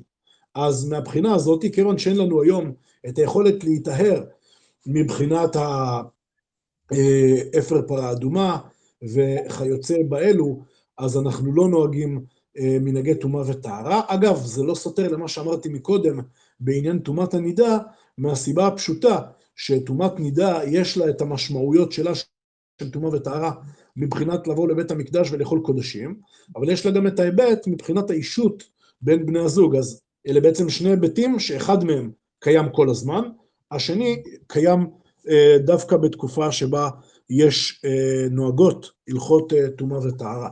זה קודם כל. לגבי העניין של איזה נגיף זה ואיזה חיידקים זה וכולי, אז אני אמרתי, גם אה, בשם רבי עובדיה ספורנו, וגם כבר בשם הכוזרי, ומרם אלשיך ורש"ר הירש, הם כתבו שיש צרעת שהיא עניין רפואי, שזה אני מניח מה שכתב אה, אותו מגיב, אני לא יודע אה, מה שמו, אה, בדיוק, אה, אז, אז יש בהחלט את הסוג הזה של הצרעת, על פי כל הפרטים הרפואיים, זה נכון, אבל הספרים הללו שהזכרתי אותם, הם בעצם יוצרים בידול בין סוג זה של צרעת לבין הצרעת שמדובר בה בתורה. אלו שני דברים שונים. תודה רבה. Uh, יש לנו, uh, בואו נראה, תשובה יפה, הרב, תודה, לטביה, אותו שוש. תשובה ממש יפה על העורלה ובית הכנסת והכיוון הטריפוליטאי. למען האמת, אם היו עושים כך לכל עמנו, לכו תדעו, אולי כולנו היינו מזמן כבר יראי שמיים ואוהבי אה, השם. עכשיו, אה, הרב, רק לקראת אה, סיום, אה, אנחנו בתקופה לא פשוטה עכשיו, אה, בארץ ישראל, אה, יש אה, ממש, אה, נאמר, אה, זמנים אה, מסוכנים וקשים ברחובות עכשיו, ואני לא בטוח אם בטווח הארוך המצב אה, מסביר יותר פנים. ורציתי לשאול את הרב, מה, אה, גם נשאל הרב אה, שמואל אליהו שליטה אה, לגבי כל מיני עניינים בנושא הזה, והוא דיבר על הצורך להפגין גאווה יהודית ועל הצורך לצאת בפטריוטיזם, ושמתוך כך זה בעצם יכול לבלבל את האנשים שקמים להרוג את היהודים, והם באופן טבעי אה, יבקשו לעזוב כי הם ירגישו לא קשורים, משהו בסגנון הזה. אני מקווה שאני לא טועה אה, לגבי דברי הרב אליהו פה, אני אפילו, אתה יודע, הנה, אני אפילו אצטט מילה במילה, שהרב אליהו נשאל ב... ב איפה זה, הנה? בשידור, אה, הוא נשאל, איפה זה, הנה. רגע, סליחה הרב, הנה. מה עושים כשיש הרבה פיגועים והממשלה לא יודעת מה לעשות? אז הרב כותב, תפילה שהשם יסלק מארצנו אויבינו ושונאינו, התורה אומרת לא ישבו בארצך, כי אם הם ישבו פה, הם יהיו לסיקים בעינינו, ויעשו לנו נזקים קשים, גם רוחניים וגם גשמיים, להתפלל סילוקם מפה במפורש, כותב הרב, וכותב ב', תפילה עושה מחצה, מחצה, סליחה, אני מקווה שאני קורא את זה נכון, ולכן צריך לפעול בכל הכלים כדי שהממשלה תפעיל יד קשה מול הפושעים המחבלים והמסייעים, להציף את הגשרים והמרפסות והרחובות בשלטים לגרש מהארץ את משפחות המחבלים, זה נראה בלתי אפשרי, אבל זה באמת אפשרי, צריך ללחוץ אה, על יד קשה כלפי כל הערבים במדינה, שלפחות יקיימו את החוק כמו היהודים, זה נראה שאם הערבים יצטרכו לקיים את החוק כמו היהודים, הם יברחו מכאן למקום שאין בו חוק.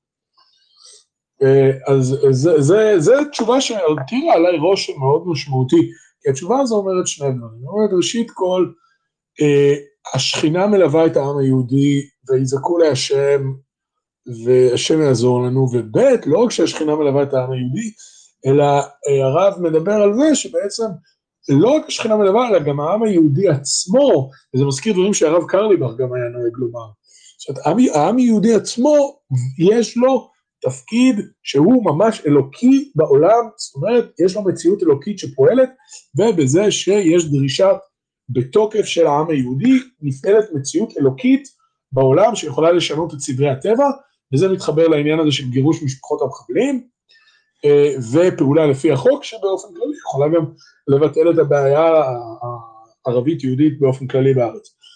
אז זה ככה רציתי לקרוא את התשובה הזאת של הרב, על רקע השאלה שלי, ואני אשמח לשמוע אם לרב היו איזה שהן מחשבות במצב הזה, בזה, איזושהי עצות, איזושהי הוראות אה, לקהל מאזיננו, הנאמן. בגדול, כשמסתכלים על המצב הנוכחי, נראה לי שהתחושה הכי חזקה זה בעצם התחושה של המלכוד. כלומר, יש לנו כלים כאלה על לוח השחמט, מבחינה מטאפורית, שבעצם אתה לא יכול להתקדם לשום כיוון כדי לקדם משהו משמעותי.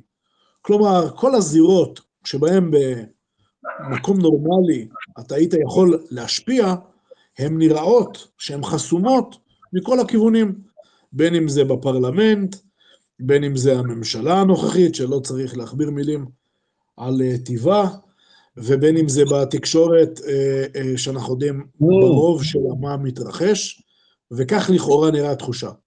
אבל כנגד התחושה הזאת, יש לי משהו אחד לומר. אנחנו חייבים להפסיק לחשוב שמה שצריך זה איזשהו מישהו שמה מהאנשים החשובים, המשפיעים, בפרלמנט, בממשלה, בתקשורת, מישהו שמה יציל אותנו. אני טוען שאנחנו צריכים שהאנשים הרגילים, אלה שעובדים במחשבים ובמוסך ובפלאפל ובמזגנים ובהייטק, האנשים האלה הרגילים, שלא קשורים לכל המערכות שלטון, האנשים הללו צריכים לעבור שינוי תודעתי, לא במובן של שטיפת מוח, אלא במובן של פשוט הצגת עובדות, הצגת נתונים, אה, יוזמות כאלה ואחרות. אם הייתי צריך לנסח את כל זה בשני מילים, אקטיביזם יהודי. Mm. Mm. נפלא. ורק בהקשר הזה מוסיף, אה, אה, מוסיף GP סאונד, ירבעם בן נווט, החלפת אותיות בנט, אוקיי. זה וורט של אבי זלינגר. אה, מעניין, יפה. מישהו כותב פה, דניאל סימנטוב, חייב פטריוטיזם כנגד הערבים, כי בהם צריך להילחם בדרך הלא מתפשרת של בן דוד, ולא בדרך הדיפלומטית של בן יוסף, שמתאימה כנגד אדום, אירופה, לא כנגד ישמעאל, מעניין מאוד. מעניין מאוד, אה, תפיסה מאוד מעניינת, מאוד מעניינת. אה, אוקיי, ירבעם זה ערבים, אוקיי, הבנתי, מעניין. אה, יפה. זאת אומרת, הבנתי, ערבים בן בנט, אה, אוקיי, הבנתי, יפה.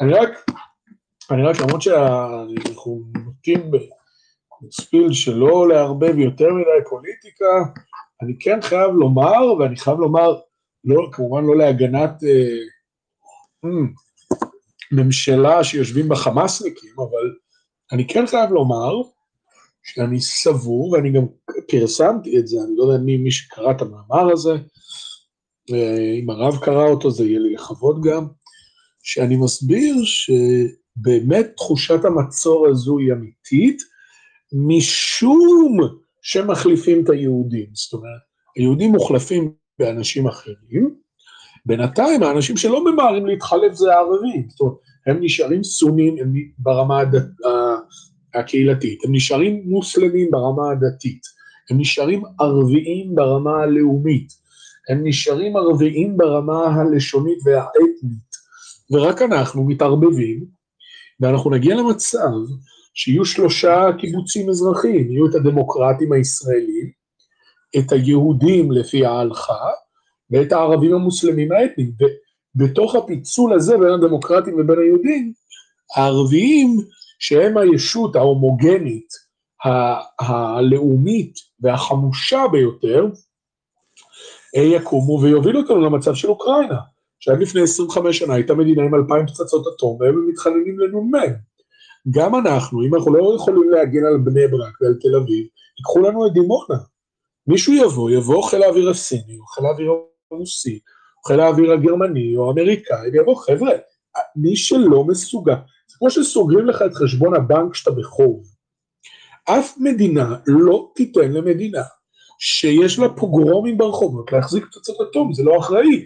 ואני אגיד את האמת, אני אגיד את האמת, וזו האמת שהיא קשה מאוד, אם אני הייתי שר החוץ האמריקאי, שבערך בחצי מהשנים הוא יהודי הרי, כן, אה, חצי מהזמן, במאה ה-20, שרי החוץ היו יהודים לפחות חצי, אם לא יותר, אני גם הייתי בא ואומר ליהודים, תקשיבו, אחים שלי, אני מצטער, אני לא יכול לתת לכם את ההלוואה הזאת של הבנק. אתה לא יכול להחזיק מיליון שקל. אתה לא משלם את המשכורת בסוף החודש לפחח שלך, אתה לא יכול להחזיק מיליון שקל, סליחה. ואני חושב שאנחנו נגיע למצב הזה שכמו שאוקראינה היום מתחננת לנ"מים ונ"טים, וכשהיה לה אלפיים פצצות אטום, אוקראינה הייתה מדינה עם הארסנל הגרעין השלישי בגודלו בעולם ב-1994. לא, נתון מטורף.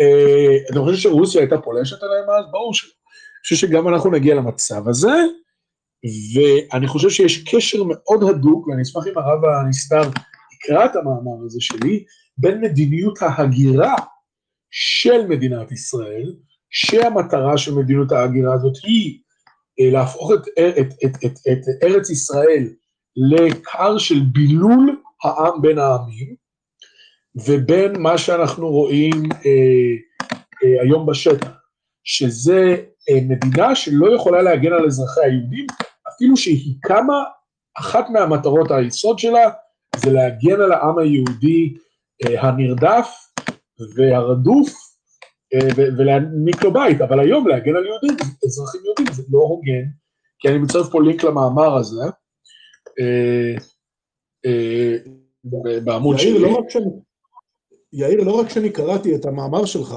אלא אני גם כן. שיתפתי אותו, כמו שאתה זוכר. נכון, נכון הרב, נכון, נכון, נכון, נכון. נכון, סליחה, הזיכרון שלי מידרדר בגלל כאבים בצוואר, אני לא צוחק, זה עצוב. אה, אבל כן, אז, אז תודה הרב, נכון, אני, אני זוכר שאחד מתלמידי הרב גם אה, שלח אה, דבר בנושא. כן. אז זהו, אז זה הפרשנות שלי לפחות בעניין הזה, ולכן חושב שגם אחד הדברים זה באמת להתחזק ביידישקייט, להתחזק ביהדות, אין לנו ברירה. אה, ואקטיביזם יהודי רק, אה, בעצם זה ללמוד, לעשות ולקיים, זה הרעיון.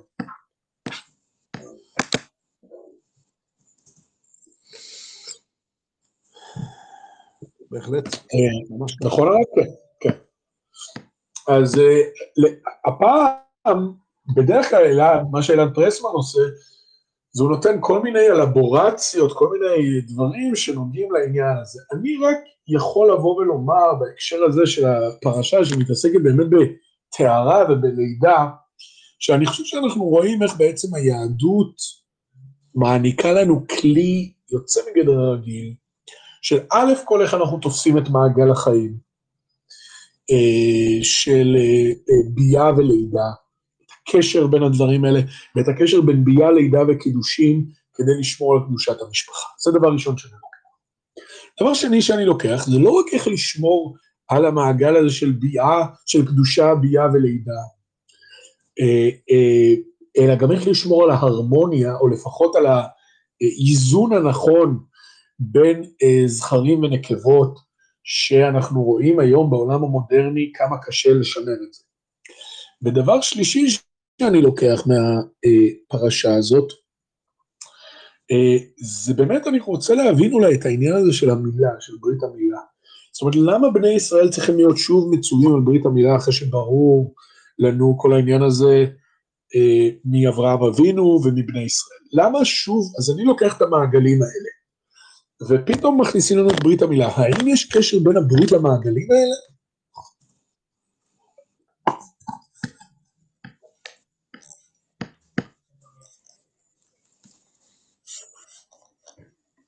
אה, הרב? אה, חשבתי שאתה מדבר. כן, כן, לא, אני, אני שואל את הרב, האם יש קשר בין המעגלים האלה לבין הברית? פתאום הברית... כן, אז בהחלט, אז, אז בהחלט אפשר לראות איך באופן שבו התורה מנסחת את הדברים, זה לא, זה לא שני מצוות, אלו לא שתי מצוות שהן אה, עומדות בצורה עצמאית, אה, בלי קשר אחת מהשנייה, אלא בדיוק להפך. אפשר לראות ממש איך העניין של ברית המילה נאמר כבדרך אגב בעניין אחר. העניין של הפרשה, שהעניין הראשון שבה הפרשה פותחת, זה עניין היולדת, טומאת היולדת וטהרתה. ואז זה נאמר כבדרך אגב, כלומר, אה, דבר אל בני ישראל לאמור, אישה כי תזריע וילדה זכר וטמא שבעת ימים כי ימי נידת דבותה תטמע, ואז לפני שממשיכים לתאר איזה קורבנות היא מביאה ואיזה זה, אומרים על הדרך, ביום, הש... הרי שבעה ימים היא טמאה, אז ביום השמיני, כבדרך אגב, ימול בשר עורלתו. כלומר, זה מתואר כחלק מהתהליך הזה של ה... כחלק מהתהליך הזה בעצם של הלידה, כחלק מהתהליך הזה של ה... אה, אה, אפשר לקרוא לזה טהרת המשפחה שמשולבת עם דברים אחרים, עם הלידה, עם המילה, ואני חושב שחז"ל עמדו על הנושא הזה, אה, הרגישו בקשר הזה גם כן בין הדברים, כיוון שאנחנו יכולים לראות בתלמוד, שבעצם אני קראתי מקודם, משפט מהתלמוד, ששם רבי מאיר שואל למה האישה היא נידה. מה התורה רצתה לגרום בזה, ואז אמרנו בעצם שזה מחבר בין, ה, אה, בין בני הזוג, גורם להם בעצם לגעגוע, לרענון, לחידוש הנוסף של הקשר. זה בעצם מה שאמרתי מקודם. מה שלא אמרתי מקודם, פשוט זה לא היה הנושא, אה, זה שמיד אחרי השאלה הזאתי והתשובה הזאתי, שואלים גם כן על ברית המילה, ממש שורה אחרי. ושם אה, הם בעצם עונים שהוא נולד, זה פשוט מדהים. הם אומרים שם שהוא, הרי מה אמרנו כאן? שהאישה היא טמאה שבעה ימים, ואחר כך היא טהורה. זאת אומרת, ביום השמיני, מה היא? טמאה או טהורה?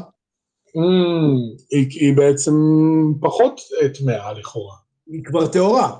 אז זה mm-hmm. מה שאומרת שם הגמרא, ממש שורה אחרי, היא אומרת, מפני מה אמרה תורה מילה לשמונה? שלא יהיו כולם שמחים ואביו ואמו עצבים.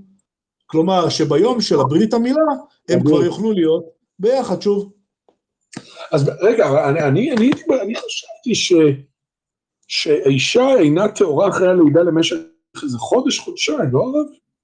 אז זהו, יש לנו כאן בעצם את הדין של התלמוד לעומת המנהג. המנהג שאנחנו נוהגים היום, זה מנהג שהחל בתקופת הראשונים, אה, יש מה שמכונה אה, אה, מנהג הגאונים או גזירת הגאונים, שבעצם הם אמרו שמה שכתוב כאן בתורה, שזה הדין של התורה וזה גם הדין של התלמוד. אחרי הלידה יש מושג שנקרא אדם טוהר, שבעצם אדם שהאישה רואה הוא לא נקרא אדם נידה, אלא אדם טהור. אז בתקופת הגאונים חלק מהקהילות הם נהגו להחמיר בזה, כדי שאנשים לא יתבלבלו, זה הרי ביולוגית זה נראה בדיוק אותו דבר. אז הם בעצם אה, אה, אה, החמירו בדם תואר הזה, אבל זה דווקא התחיל מתקופת הראשונים, אולי סוף הגאונים. אבל התלמוד מדבר על המנהג הקדום. המנהג הקדום, אישה שילדה זכר, ביום השמיני כבר הייתה טהורה. אתה צודק שבימינו מחכים אה, עד בעצם שהיא תספור אה, שבעה נקיים, אה, ואז רק היא תטבול, שזה הכי מהר שיכול להיות זה שלושה שבועות. יש מקרים של שלושה שבועות אחרי הלידה. מעניין מאוד. מעניין, מעניין, ו...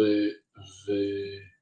אבל יפה שעמדת על הקשר בין העניין של הנידה לבין העניין של המילה, שזה גם הפסוק מסמיך אותם אחד לשני, וגם התלמוד, ממש שורה אחרי שורה, מדבר על הנושאים הללו.